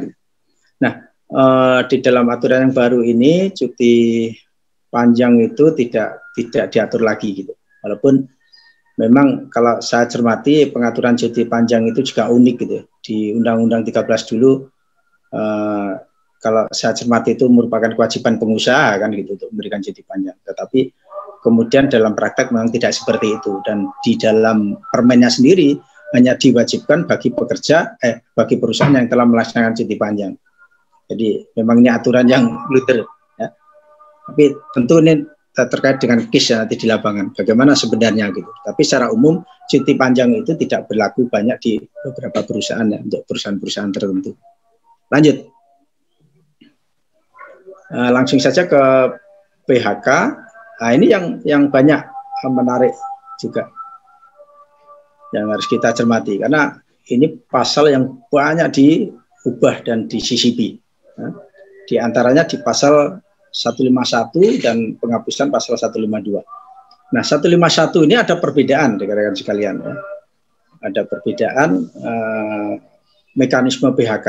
Ya, kalau dulu uh, mekanisme PHK itu tidak ada mengenal istilah pemberitahuan, tapi di aturan yang baru ini uh, ada mengenal pemberitahuan. Tapi bagaimana kita menilai mana yang lebih bagus? Nanti kita lihat. Ada ada uh, di halaman berikutnya.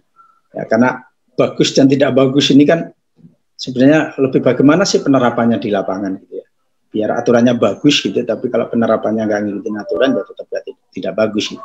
coba nanti kita lihat secara real bagaimana sih sebenarnya gitu dengan adanya mekanisme pemberitahuan ini. Ya kalau dulu tidak karena langsung ditempuh uh, kalau tidak apa adanya kegagalan dalam upaya menghindari PHK itu langsung uh, perundingan kalau ini tidak pemberi apa diawali dulu dengan pemberitahuan jadi ada perbedaan Kemudian yang kedua adalah menghapus prosedur penetapan. Nah ini juga sempat dipersoalkan dari rekan-rekan serik, apa pengurus serikat itu. Berarti pengusaha bisa sem, apa, memphk semena-mena. Enggak, enggak, enggak begitu juga ya. Karena dalam tataran praktek gitu ya, prosedur penetapan ini ternyata enggak implementatif dan juga tidak sesuai gitu ya dengan uh, apa ya uh, istilahnya ilmu hukum ya tidak sesuai karena uh, di dalam di dalam PHK ya di dalam PHK itu uh, umumnya terjadi karena adanya perselisihan gitu. Jadi tidak tidak mungkin prakteknya langsung diajukan dengan penetapan itu. Penetapan itu diajukan untuk yang sifatnya sepihak dan tidak ada unsur perselisihan gitu ya. Contohnya kalau penetapan anak angkat gitu ya, itu, itu penetapan. Tapi kalau PHK itu umumnya uh, uh, pasti mengandung perselisihan. Adanya perbedaan uh, pendapat di seputar masalah PHK itu sendiri. Sehingga menurut saya ini sangat realistis, ya, apalagi juga uh, putusan Mahkamah Konstitusi sudah uh, menegaskan bahwa uh, penetapan itu memang tidak tidak tepat ya, harus mengajukan uh, gugatan yang sifatnya adalah gugatan uh, konsentiosa yang seperti uh, gugatan pada umumnya diatur dalam Undang-Undang Nomor 2 Tahun 2004, ya, Undang-Undang tentang Perselisihan Hubungan Industrial. Lanjut. Terus pasal 153, saya hanya ingin menyoroti di pasal 153 itu uh, tidak adanya sanksi gitu. Jadi kalau ayat berapa ya uh, satu apa dua ya di 153 itu kan merinci ya bahwa uh, pekerja dilarang mem-PHK ini ini bla bla bla bla. Tetapi ketika dilarang itu kan harusnya mesti ada ada sanksi gitu kalau larangan itu dilanggar gitu. Ya, setidaknya ya sanksinya menurut pasal 185, tapi di ayat 3 tidak tidak tidak disebutkan. Nah, tidak ada uh, apa disebutkan dalam pasal 185 Undang-Undang 13 itu tentang bagaimana sanksinya kalau pengusaha itu melanggar uh, melanggar mem-PHK uh, pekerja yang dalam konteks diatur pasal, pasal 152 ayat apa 153 ayat 2. Kemudian di pasal 154. Nah, ini yang menarik rekan rekan 154 ini luar biasa. Jadi ini betul-betul pasal sapu jagat. Dari sekian banyak pasal dihapus ya, dihapus. Ya, kemudian dimunculkan lagi sebagian dengan perubahan-perubahan di PP 35. Nah, intinya adalah ada penyederhanaan, tetapi penyederhanaan ini sangat berpotensi mengurangi perlindungan dan hak pekerja dan itu terbukti ya dengan adanya pengurangan eh, apa 15 persen tunjangan perumahan dan tunjangan pengobatan atau perawatan. Ya, kemudian juga eh, kelipatan-kelipatan, di samping juga eh, pengurangan-pengurangan yang lain ya di dalam uh, uang pesangon dan uang penghargaan masa kerja. Ya. Saya sudah ada tabelnya, tapi nggak mungkin saya tampilkan di sini karena cukup cukup nambahi uh, lembaran gitu ya. Oke, okay. uh, khusus terkait dengan uh, pasal 154 ini, rekan-rekan sekalian, uh, saya soroti ada inkonsistensi kaitan dengan permohonan. Jadi kalau di pasal 152 itu sudah dihapus ya, seiring juga dengan putusan Mahkamah Konstitusi, mengapa di pasal 154 ini masih muncul permohonan ya, yang diajukan oleh pekerja kepada perusahaan. Tapi menurut saya secara implementatif semestinya juga sama dengan putusan Mahkamah Konstitusi itu, ya, ya ini mengajukan gugatan ke uh, pengadilan hubungan industrial, bukan permohonan. Jadi penggunaan istilahnya uh, tidak konsisten dengan penghapusan pasal 152. Nah. Kemudian 157 157 ayat 4 itu yang saya soroti adalah kaitannya dengan uh, upah minimum. Ya.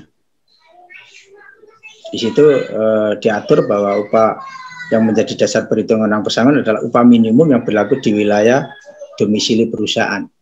Nah, saya tidak tahu pertimbangannya apa gitu.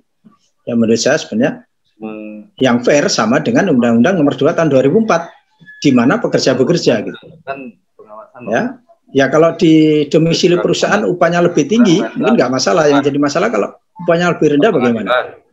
Jadi akan lebih fair kalau itu adalah upah di mana domisili pekerja bekerja sama dengan Undang-Undang uh, eh, 2 tahun 2004 di mana gugatan itu diajukan pada wilayah di mana pekerja bekerja, ya, wilayah pengadilan di mana pekerja itu bekerja. Jadi kalau karyawannya itu bekerja di Papua ya gugatannya ya di PHI daerah Papua, di Kaltim ya di Kaltim, di DKI ya di Jakarta Pusat, di Jawa Barat ya di Bandung gitu. Ini enggak, ini di domisili perusahaan. Nah, kalau domisili perusahaan pas upahnya lebih rendah bagaimana? Ya, sementara dia bekerja di daerah yang upahnya lebih tinggi. Ini, ini menurut saya uh, kurang fair gitu.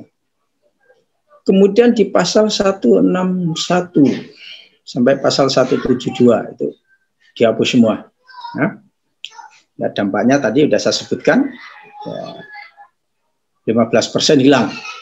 Ya dua kali uang pesangon untuk beberapa jenis PHK juga hilang. Ya. Termasuk juga yang karena buruh sakit berkepanjangan juga hilang. Ya. Itu pengurangan-pengurangan. Nah, ini eh, rekan-rekan uh, sekalian mungkin yang berjuang di pusat sangat tahu ini ya, apa apa kaitannya. Ternyata dikaitkan juga dengan CKP kan gitu. Walaupun di dalam Undang-Undang uh, Cipta Kerja ini sama sekali di pasal yang terkait dengan PHK itu tidak menyinggung dengan JKP. Tapi ini di, dianggap sebagai apa ya kompensasi gitu, barter gitu ya. Tapi bagaimana nanti realisasinya juga kita akan lihat karena JKP-nya dalam merupakan program baru. Nanti coba kita bahas di PP eh, berikutnya. Lanjut untuk pengaturan PHK, eh, rekan-rekan bisa lihat di pasal 3738 tadi sudah sebagian saya singgung. Lanjut saja. Pasal 3738 39 PP 35 ya. Ada istilah pemberitahuan ya. Oke. Lanjut, lanjut saja. Nah, ini uh, sebelumnya perbedaan ya, perbedaan. Nah, ini jadi intinya kalau saya cermati di Undang-Undang 13 itu ada uh, tiga, tiga tahap gitu ya. Tetapi di dalam Undang 11 tahun 2020 Undang-Undang Cipta Kerja ya, uh, di pasal 151 itu, itu ada enam tahap ya. Jadi uh, dilakukan upaya menghindari dulu, kemudian memberitahukan gitu. Jadi kalau sudah uh, memberitahukan dan uh, pekerja menerima, pengusaha melaporkan ya. ya. Melaporkan ini juga tiga instansi sekaligus ya ke kementerian, ke dinas tenaga kesehatan provinsi, kabupaten kota gitu, sekaligus. Gitu. Kemudian jika menolak maka uh, pekerja yang membuat penolakan itu uh, apa membuat surat ya, membuat surat penolakan. Baru perundingan bipartit. Jadi bipartit masuk tahap yang kelima. Ya, kalau bipartit gagal, maka penyelesaian melalui undang-undang uh, apa mekanisme undang-undang nomor 2 tahun 2004 ya. Jadi ini menurut saya sih lebih rinci gitu ya, lebih rinci ya, uh, dan aturan sebelumnya itu menghapus uh, terkait dengan penetapan itu. Oke, lanjut. Nah, jenis pelanggaran rekan-rekan sekalian mungkin hmm, ini juga jangan sampai terkecoh, gitu ya. Kalau dulu kita mengenal istilah kesalahan berat, kesalahan ringan. Di dalam PP ini istilah itu diganti. Yang ringan itu diganti pelanggaran ketentuan. Nah, kalau istilah saya itu pelanggaran ringan. Eh, sementara pelanggaran beratnya itu ya uh, bisa diartikan pidana. Ini disebut ada pelanggaran bersifat mendesak. Ini sebenarnya mengadopsi KUH Perdata. Ya, mengadopsi KUH Perdata sekaligus juga uh, putusan Mahkamah Konstitusi karena pasal 158 itu kan di, di, di apa ya dinyatakan tidak punya kekuatan hukum tetap sehingga memerlukan putusan pidana terlebih dahulu. Jadi ya ini hanya istilah-istilah saja, tetapi hakikatnya ini adalah pelanggaran berat, tetapi nuansanya bukan lagi nuansa pidana, ya, nuansa perdata. Sehingga diadopsilah ketentuan uh, istilahnya copy paste dari uh, KUH perdata. Lanjut uh, kaitan dengan pesangon. Nah ini ini penegasan saja. Kaitan pesangon berkurang ada tiga item itu. Nah, nilai pesangon menurun hanya 19 bulan itu pun tergantung masa kerja bukan 19 bulan dalam artian utuh ya tergantung masa kerja. Uh, apakah mencapai berapa bulan upahnya sesuai dengan formulasi yang ada. Ya, terus enam bulan eh, CKP itu uh, nanti diselenggarakan oleh BPJS itu pun juga tidak semuanya uh, ketika terjadi pemutusan hubungan kerja karena ada pembatasan-pembatasan juga ternyata di dalam PP nomor 37 kemudian uh, formula yang tidak berubah gitu tetap itu eh, apa ya ada beberapa gitu ya tapi umumnya banyak yang berubah ya. yang tidak berubah itu kaitannya satu kali upah penghargaan masa kerja dan satu kali upah uang bisa apa uang pisah UPS desa singkat uang pisah walaupun uang pisah ini kan tergantung ada nggak pengaturan di secara internal di perusahaan untuk beberapa kasus seperti PHK mundurkan diri, ya, diskualifikasi mundurkan diri, pelanggaran bersifat mendesak, kalau dulu sifatnya apa pelanggaran ring, berat itu. Kemudian yang masih tidak berubah itu, yaitu tadi yang saya sebutkan PHK karena meninggal dunia. Ya, itu dua kali pesangon, satu kali eh, uang penghargaan masa kerja dan satu kali uang eh, penggantian hak. Ya tergantung sisa cutinya masih ada apa tidak ya dan sebagainya dan sebagainya. Lanjut. Nah, ini mungkin uh, yang penting juga bahwa ternyata ini perbedaannya. Kalau dulu perhitungan uang pesangon itu tidak bisa dikompensasi lagi dalam bentuk lain kecuali pengaturannya itu terkait dengan uh, eh, PHK karena pensiun. Itu ada ada pengecualian dulu. Tapi kalau sekarang semuanya berlaku. Jadi kalau uh, perusahaan itu mengikutkan program pensiun, maka hitung-hitungan yang dipilih dari pensiun itu dapat ya di situ dapat diperhitungkan hanya dapat dikompensasikan dalam kewajiban pembayaran pesangon. Artinya ini kuncinya uh, Bapak Ibu sekalian, kata dapat itu kalau sudah diatur di dalam perjanjian kerja atau PKP, peraturan perusahaan uh, atau PKP. Jadi itu juga harus dipegang ya. Selama di peraturan perusahaan belum diatur, kata dapat itu belum bisa di, uh, diimplementasikan. Sudah diatur apa belum? Di dalam perjanjian kerja, peraturan perusahaan atau PKP. Itu kuncinya. Nah, kemudian uh, pengecualiannya bahwa memang apa uh, perusahaan mikro itu memang wajib membayar, tetapi dikecualikan ya, hanya berdasar kesepakatan. Artinya tidak menggunakan formulasi yang besarannya di dalam uh, eh, PP ini. Jadi ini ini pengecualiannya. Lanjut. Nah, di pasal 185 ini terkait dengan uh, apa? sanksi yang sebelumnya uh, keterkaitan pelanggaran tidak membayar pesangon ini tidak masuk dalam uh, pasal pidana, tapi undang-undang memasukkan ini. Ya menurut saya ini hal yang bagus. Cuman lagi-lagi kemarin ada pertanyaan, Pak ini apakah berlaku mundur? Sempat uh, terjadi diskusi di grup uh, salah satu grup. Jadi ya tidak bisa ya, karena ketentuan pidana itu menganut asas legalitas. Artinya kalau itu belum diatur sebelumnya di dalam satu undang-undang yang sudah diundangkan ya tidak bisa, tidak bisa tidak bisa berlaku otomatis. Jadi ini berlaku untuk kasus-kasus berikutnya ya. Lanjut. Nah, kaitan dengan pengupahan, ya. Nah, kaitan dengan pengupahan ini, Bapak Ibu sekalian, saya yang yang saya kritisi dari undang eh, Undang-Undang Cipta Kerja itu kaitannya dengan hilangnya memperoleh penghasilan yang memenuhi, karena kaitannya dengan penghidupan yang layak. Bagaimana bisa memenuhi gitu? Kalau uh, apa istilahnya Eh, tahapan pencapaian hidup layak itu sudah tidak ada lagi.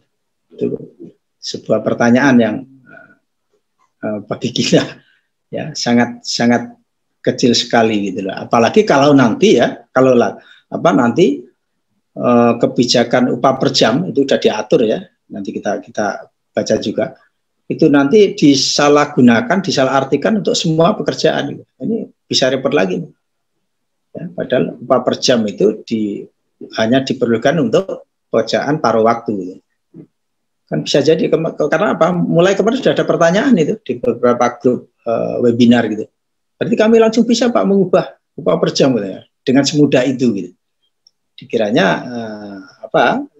pekerja juga diam-diam saja ketika hak-haknya terusik kan gitu kan nggak, nggak bisa seperti itu apalagi itu melanggar aturan gitu ya jadi ini juga perlu menjadi uh, apa ya perhatian kita nanti bagaimana penerapan upah per jam itu ya tidak disalahartikan di, disalah tafsirkan untuk mereduksi hak pekerja yang sudah ada sebelumnya kemudian di pasal 88A sampai E itu, itu sisipan tapi intinya uh, kalau di situ saya lihat ada apa ya penekanan bahwa penetapan upah minimum itu didasarkan pada ekonomi dan ketenaga kerjaan dan juga adanya uh, syarat tertentu. Nah, saya nggak tahu nanti mungkin bisa kita diskusikan. Kalau menurut saya khususnya yang kaitan dengan syarat tertentu itu ya uh, pengalaman saya menjadi anggota dewan pengupahan itu menurut saya agak fair gitu ya. Karena pernah terjadi penetapan upah minimum itu didasarkan apa uh, inflasi nasional gitu ya. Sementara inflasi nasional itu e, bisa rendah, bisa tinggi gitu. gitu kan. Nah, kalau tinggi kemudian di daerah rendah kan nggak fair gitu. Sebaliknya kalau di daerah rendah apa di nasional rendah, di daerah tinggi kan juga nggak fair. Gitu. Jadi namanya UMK ya sesuai dengan kondisi daerah itu lebih lebih realistis. Kemudian uh, formulasi perhitungan memuat variabel pertumbuhan ekonomi atau inflasi dari data BPS. Persoalannya adalah uh, kalau data BPS ini benar-benar ya, tapi ya memang dia anggota tidak mau tidak mau suka tidak suka ya harus kita menggunakan data dari BPS gitu karena terkadang saya amati sendiri uh, survei yang dilakukan BPS itu tidak representatif gitu betul-betul apa ya menggambarkan kondisi real di lapangan kenapa surveinya kadang-kadang dilakukan di apa balik meja gitu bukan di lapangan. Saya, saya melihat sendiri karena saya pernah melakukan survei bersama BWS gitu ya. Jadi maunya survei itu di belakang aja, nggak bisa begitu. Akhirnya apa? Muncul angka kira-kira gitu, bukan angka yang realistis. Gitu. Jadi itu masalahnya. Kemudian eh, pasal 89 kait dengan upah sektoral ya sudah tidak ada lagi dan memang ini ya cukup dilematis gitu ya dalam praktek di lapangan. Di satu sisi upah sektoral ini menjadi tumpuan harapan bagi rekan yang memang di daerahnya masih merupakan uh, sektor unggulan gitu ya. dan harapan untuk uh, mendapat upah yang lebih tinggi. Tapi dengan dihapusnya ini ya sudah tidak ada lagi. Gitu. Ya, tapi ya itulah dinamika kita ya. Nanti coba kita diskusikan bersama. Lanjut uh, pasal 90 itu dihapus. Uh, tidak ada lagi penangguhan. Ya ini juga polemik gitu. Kemudian ada pengecualian upah minimum bagi usaha mikro dan kecil itu di pasal 90A dan 90B itu kebijakan baru. 91 dihapus. Kemudian di pasal 92, nah itu pasal 92 itu kaitan dengan struktur dan skala upah. Ya, uh, walaupun dulu pernah saya kritisi di Undang-Undang 13 itu kan nggak ada kata wajib, kemudian di PP 78 tahun 2015 itu dikatakan wajib gitu ya. Jadi saya agak uh, ketar-ketir waktu itu kalau pengusaha umpamanya melakukan judicial review atau tata usaha negara. Menurut saya itu salah gitu karena bertentangan dengan undang-undang kan. Tapi alhamdulillah uh, di undang-undang Cipta Kerja ini kemudian dikukuhkan melalui uh, apa ditambah di PP ini di, disebutkan bahwa itu wajib ya struktur skala upah ini. Ya, ini mungkin teman-teman HR yang lebih paham bagaimana teknisnya karena ini harus belajar khusus tuh bagaimana menyusun struktur skala upah. Mudah-mudahan rekan-rekan serikat pekerja juga sudah paham sehingga bisa berbicara banyak ini karena ini menentukan nasib anggota kita gitu. Ya. Kemudian penyusunan struktur skala upah itu uh, di, disederhanakan, pertimbangannya hanya kemampuan perusahaan dan produktivitas. Sebelumnya memperhatikan golongan, jabatan, masa kerja, pendidikan, dan kompetensi. Ini saya nggak tahu ya kalau rekan-rekan yang sudah punya pengalaman di bidang HR memang uh, akan lebih simpel yang sekarang. Jadi kemampuan perusahaan itu bagaimana, bagaimana itu lebih menurut lebih lebih, lebih representatif daripada apa jabatan uh, masa kerja pendidikan gitu ya itu.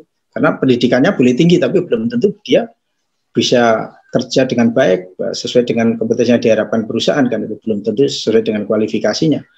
Bisa juga masa kerjanya lama tapi kerjanya malas-malas saja gitu. Bisa jadi ibarat puasa gitu ya.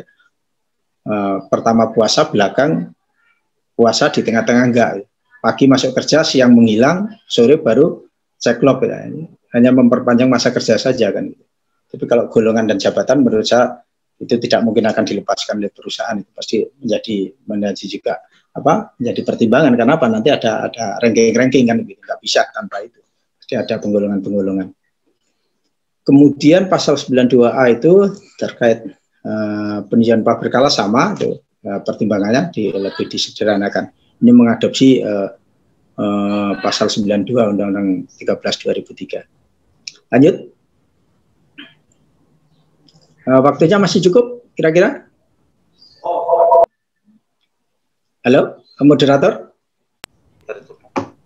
Ya, Pak Abdul bisa dipercepat nggak biar bisa ada sesi tanya jawab? Oke, okay, baik, baik. Oke, okay, kalau gitu kita lanjut langsung ke uh, apa ini ya, kaitan kalau upah per jam itu sudah jelas ada pengaturannya ya, jadi tidak boleh sembarang jenis apa uh, pekerjaan gitu ya, tapi jelas untuk pekerja yang bekerja pada waktu ya part time.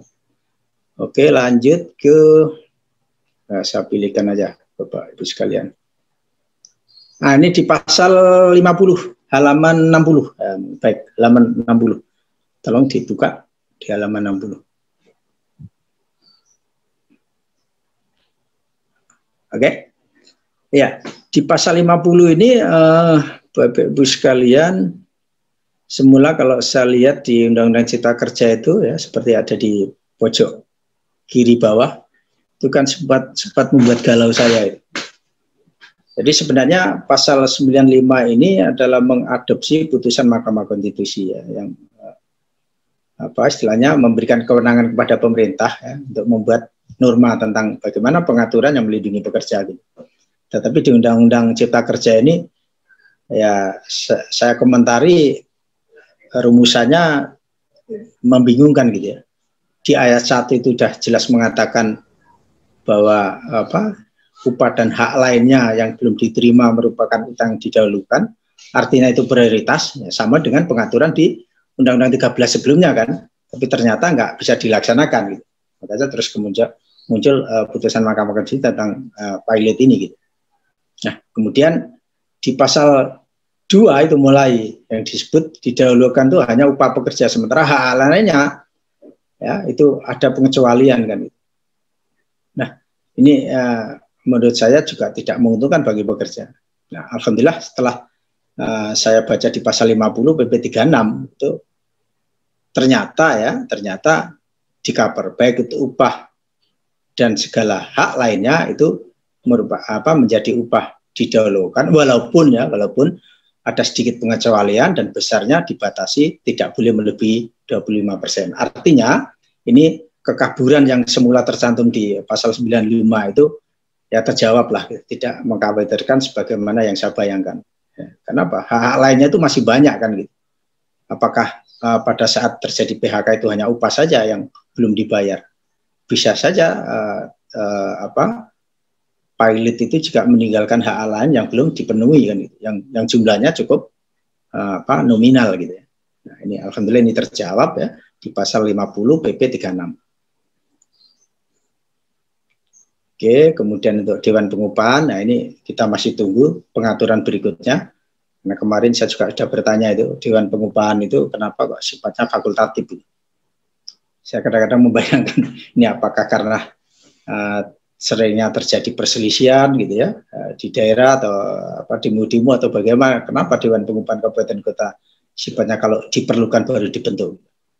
Ya kalau pengaturan sebelumnya kan tidak seperti itu gitu ya. Ya harusnya setiap kabupaten kota gitu tapi di PP ini diatur seperti itu. Tapi kita lihat nanti realisasinya bagaimana. Nah, dan bersyukur uh, bagi daerah-daerah yang sudah punya yang yang belum itu kan apalagi daerah-daerah yang yang apa apa istilahnya padat industri gitu. Kebutuhan untuk membentuk dewan pengupahan itu menjadi penting ya. Oke lanjut ke CKP ke halaman 63 ya baik. Nah Bapak Ibu sekalian sebenarnya untuk CKP ini uh, saya juga tidak banyak ya tidak banyak komentar karena ini baru ini program baru. Dan ya mudah-mudahan dalam pelaksanaannya nanti uh, bisa terimplementasi dengan baik gitu. ya dan lewat pengaturan PP 37 ini rupanya ada pembatasan-pembatasan juga nanti kita lihat tetapi ada ada ada prinsip ya yang menurut saya uh, menyalahi ya ada prinsip yang menyalahi. Coba lihat di halaman berikutnya. Di halaman ya 64. Nah, di situ uh, ada ketidakkonsistennya. Ya, kalau tadi saya sebutkan inkonsistensi di pasal apa 154 terhadap pasal 152. Ya. Di 54 tentang PHK, di 52 menghapus penetapan. Nah kalau di sini uh, sebagaimana yang kita pahami bahwa dalam uh, pelaksanaan asuransi itu Bapak Ibu sekalian ada ada dua metode. Ya, ada dua sistem. Yang pertama namanya asuransi sosial, yang kedua adalah uh, bantuan sosial.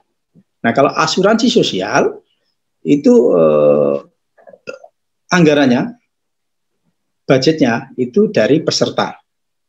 Ya, dari peserta asuransi yang membayar iuran itu. Kemudian nanti dikembalikan sesuai dengan resiko yang uh, dialami oleh peserta asuransi sosial. Tetapi kalau bantuan sosial itu adalah sifatnya bantuan yang anggaran atau budgetnya itu murni dari ya kan murni dari pemerintah. Nah di sini di pasal satu uh, pasal 46b ayat 1 itu sudah jelas dikatakan prinsip asuransi sosial. Tetapi di pasal 46 ayat 2 Undang-Undang 40 yang diubah dalam pasal 82 ayat eh, angka dua itu apa eh, iurannya dibayar oleh pemerintah. Nah, jadi ini ini bentuk inkonsistensi dalam eh, apa penerapan eh, program jaminan apa, apa kehilangan pekerjaan. Ya kalau bicara kan boleh-boleh saja ya, ya boleh-boleh saja udah diputuskan gitu. Tapi secara prinsip itu menyalahi dari prinsip pengelolaan jaminan sosial yang tadi sudah saya sebutkan ya. Ada dua tadi ada dua metode itu. Nah, kemudian berikutnya terkait dengan rekomposisi. Nah rekomposisi ini juga uh, kemarin uh, sempat juga menjadi polemik gitu ya. Rekomposisi iuran. Apalagi jangan-jangan ini uh, menambah beban pekerja ya. Dan juga pengusaha lebih-lebih bekerja gitu. Ya, terus ditambah lagi adanya rekomposisi iuran itu dari anggaran operasional. Otomatis dari BPJS ini juga teman-teman yang uh, apa yang apa yang istilahnya menghandle BPJS itu juga sempat galau gitu ya, eh, kaitannya dengan dari apa biaya operasional gitu yang apa di dalam PP ini uh, kelihatan sudah sedikit terurai terjawab ya. Nanti kita kita akan bahas itu bagaimana rekomposisi itu. Nah, halaman berikutnya. Nah, ini ini yang yang kaitan rekomposisi. Di rupanya di pasal 11 ini uh, rekomposisi itu memang betul sama sekali tidak uh, menambah beban baik bagi pengusaha atau pekerja tapi mengubah ya yang direkomposisi itu dari uh, iuran JKP dan JKM uh, eh, dan JKK. Eh, mohon maaf, dari iuran uh, JKK dan JKM. Nah, iuran ini rekan-rekan uh, sekalian kalau tidak salah adalah murni semuanya dari pengusaha, ya, tidak ada dari kita. Artinya uh, anggota serikat kerja, pekerja buruh itu tidak kena imbasnya ini. Itu hanya di, di ya diputar-putar sajalah tapi dari angka iuran yang sudah dimasukkan. Itu pun ada catatan apa uh, iuran JKP itu adalah merupakan iuran terakhir yang besarnya tidak lebih dari 5 juta. Ya tidak lebih dari 5 juta. Itu diatur di pasal 6, 11 ayat 6 dan ayat 7 PP 37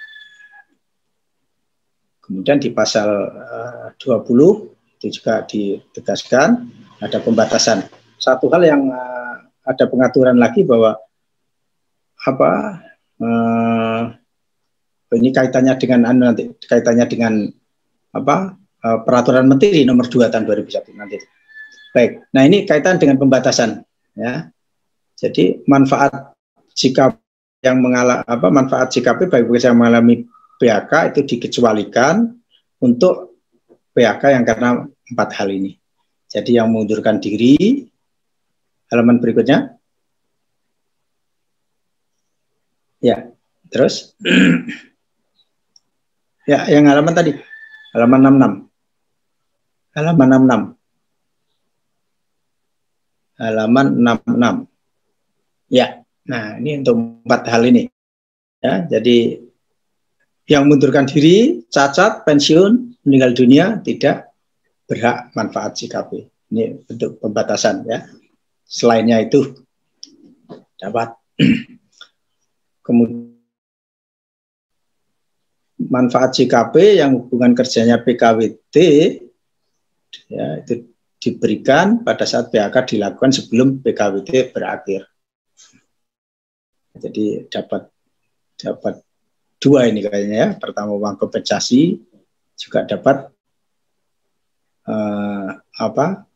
Tapi teknisnya bagaimana ini ya? Ini uh, karena kaitannya dengan dibilang tadi kaitannya dengan uh, apa uang pesangon kan gitu ya.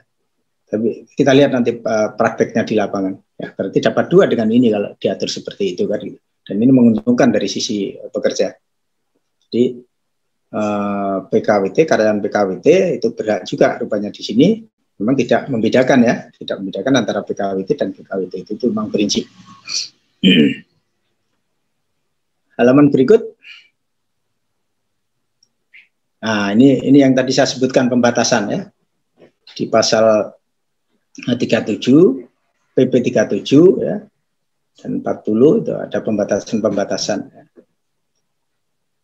Kalau 47, 37 itu lebih memberikan perlindungan ya. Jadi kalau ada pengusaha tidak memberikan apa tidak mengikut sertakan maka semuanya menjadi tanggung jawab pengusaha itu di 37. Yang 40 itu ada kedaluarsanya. Nah, tidak harus nanti menjadi per, per, per apa, perhatian. Ya, pembatasannya lagi di pasal 35 itu hak atas manfaat JKP hanya dapat diajukan sebanyak tiga kali selama masa usia kerja.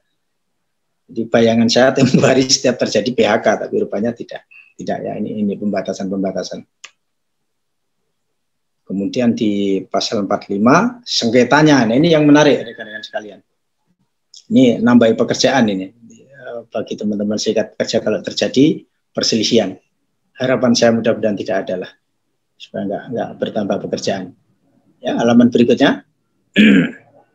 Halo, halaman berikut. Ya. Nah, jadi ketika nanti terjadi perselisihan, ya, kalau bahasanya sini sengketa gitu ya, perselisihan tentang uh, program JKP itu masuk pada ranah persian perdata yang ujungnya kalau nanti sampai tidak damai bahasanya di sini tidak damai kalau di uh, perselisihan industrial kan tidak mencapai kesepakatan ya, itu berlanjut ke pengadilan negeri. Semestinya tapi memang ini harus merubah undang-undang uh, apa nomor 2 tahun 2004. Kita pahami ini ini kan uh, masalah ranah ketenaga kerjaan kan gitu. Semestinya ini masuk pada uh, perselisihan hubungan industrial harusnya gitu. Tetapi di Undang-Undang Nomor 2 sendiri itu terbatas kan, hanya dibatasi empat. Kalau bayangan saya semestinya PHI itu kewenangannya adalah seluruh masalah yang terkait dengan ketenaga kerjaan, termasuk penetapan upah, termasuk masalah ini JKP atau penetapan eh, apa jaminan kecelakaan kerja, ya. Sehingga yang menarik lagi adalah BPJS sebagai representasi pemerintah itu menjadi subjek ya untuk digugat gitu. Nah, tapi ini memang sudah dibatasi, jadi uh, tidak masuk ke BHI tapi masuk ke, ke perdataan. Nah, ke depannya mudah-mudahan Undang-Undang Nomor 2 Tahun 2004 itu bisa diubah sehingga semua perselisihan ketenaga kerjaan itu masuk ke PHI termasuk masalah pidana ketenaga kerjaan. Jadi nggak nggak ke sana kemari. Kita bayangkan untuk ngurus CKP harus ke pengadilan negeri. Tapi kan lebih mudah kalau terkait dengan CKP apalagi e, kaitannya dengan PHK sekaligus di PHI akan lebih sederhana. Apalagi kalau ditangani oleh hakim-hakim yang e, kompeten di bidangnya ya karena PHI kan ada hakim ad hoc ya dari uh, dua unsur. Mungkin itu uh, lanjut ke permen nomor dua, mungkin tidak banyak ini rekan-rekan. Kalau saya komentari, kalau dilihat dari tujuannya ya cukup mulia ya, memberikan perlindungan dan mempertahankan kelangsungan pekerja dan buruh. Kedua adalah menjaga kelangsungan usaha ya, pada industri intinya pada kondisi pandemi yang kita pahami bahwa kondisi ini serba uh, tidak mengenakan, serba menyulitkan semua. Ya. Ini masalah global yang memang uh, perlu pemahaman dan kearifan kita semua. Pertanyaannya adalah bagaimana implementasinya ini di lapangan. Nah, saya akan khawatir kalau ini nanti yang uh, tidak masuk kriteria itu juga ikut-ikut gitu, melaksanakan uh, peraturan menteri ini kan alasannya dasar hukumnya kan sudah ada peraturan menteri, padahal ternyata kan ada pembatasan-pembatasan gitu ya. ya. Pembatasannya sudah jelas di halaman berikutnya ya berlebihannya uh, industri padat karya tertentu itu diatur di pasal uh, itu ya ada dua ayat ya ada syaratnya pekerja buruh paling sedikit 200 orang gitu ya bagaimana Pak kalau uh, 199 kurang satu ya undang-undang sudah mengatur 200 ya harus paling sedikit 200 gitu. 200 dan selebihnya itu bisa. Terus uh, biaya ini kalau istilahnya apa ya, labor cost-nya ya, itu 15 persen. Ya, paling sedikit 15 persen. Kalau di bawah itu nggak bisa. Nah, menentukan ini bagaimana? Nggak mudah bagi teman-teman serikat pekerja. Karena apa? Perlu keterbukaan dari pengusaha, perlu kejujuran gitu. Ya. Jadi untuk mengatakan uh, apa ini bisa atau tidak kan harus ditentukan oleh dua ini. Jumlah pekerja, saya yakin teman-teman sudah tahu semua kelihatan kan uh, hitungan pekerjaannya berapa bisa lihat. Itu kalau persentase biaya ini hal yang sangat sensitif dan sangat rahasia sekali. Nah, akhirnya apa? Dibutuhkan adanya kejujuran dari pengusaha untuk apa transparan kepada pekerja gitu. Memang biayanya ini betul-betul ya uh, tidak apa paling sedikit ini 15 persen ini. Kemudian uh, jenis perusahaannya sudah jelas seperti itu. Nah, apakah dalam penerapannya ada industri lain yang ikut-ikutan juga? Nah, ini teman-teman yang tahu di lapangan. Nah, menurut saya yang terakhir uh, rekan-rekan sekalian terkait dengan Permen 2 2000 uh, 2021 ini adalah uh, bagaimana uh, kepatuhan pengusaha terhadap kriteria industri padat karya itu sendiri ya sebagaimana tadi disebutkan terus parameternya terdampak itu sendiri kayak apa dan ini juga perlu uh, parameter yang jelas sehingga tidak multitafsir. Yang paling uh, mendasar lagi adalah kesepakatan yang dilandasi kekeluargaan, transparansi, dan itikat baik. Nah ini bukan hal yang mudah rekan-rekan sekalian. Kenapa? Ini kaitannya dengan kepercayaan, ketulusan, dengan kepedulian yang selama ini apakah sudah terbangun di lingkungan perusahaan itu sendiri.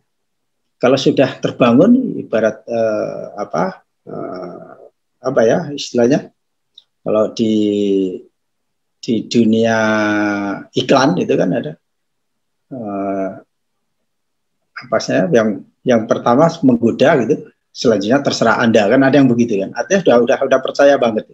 Nah kalau itu terbangun bapak ibu sekalian dekan-dekan no way nggak ada masalah persoalannya kalau selama ini sudah ada benih-benih ketidakpercayaan komunikasi tidak tulus tidak saling peduli satu sama lain terutama oleh yang apa yang punya perusahaan dengan karyawannya.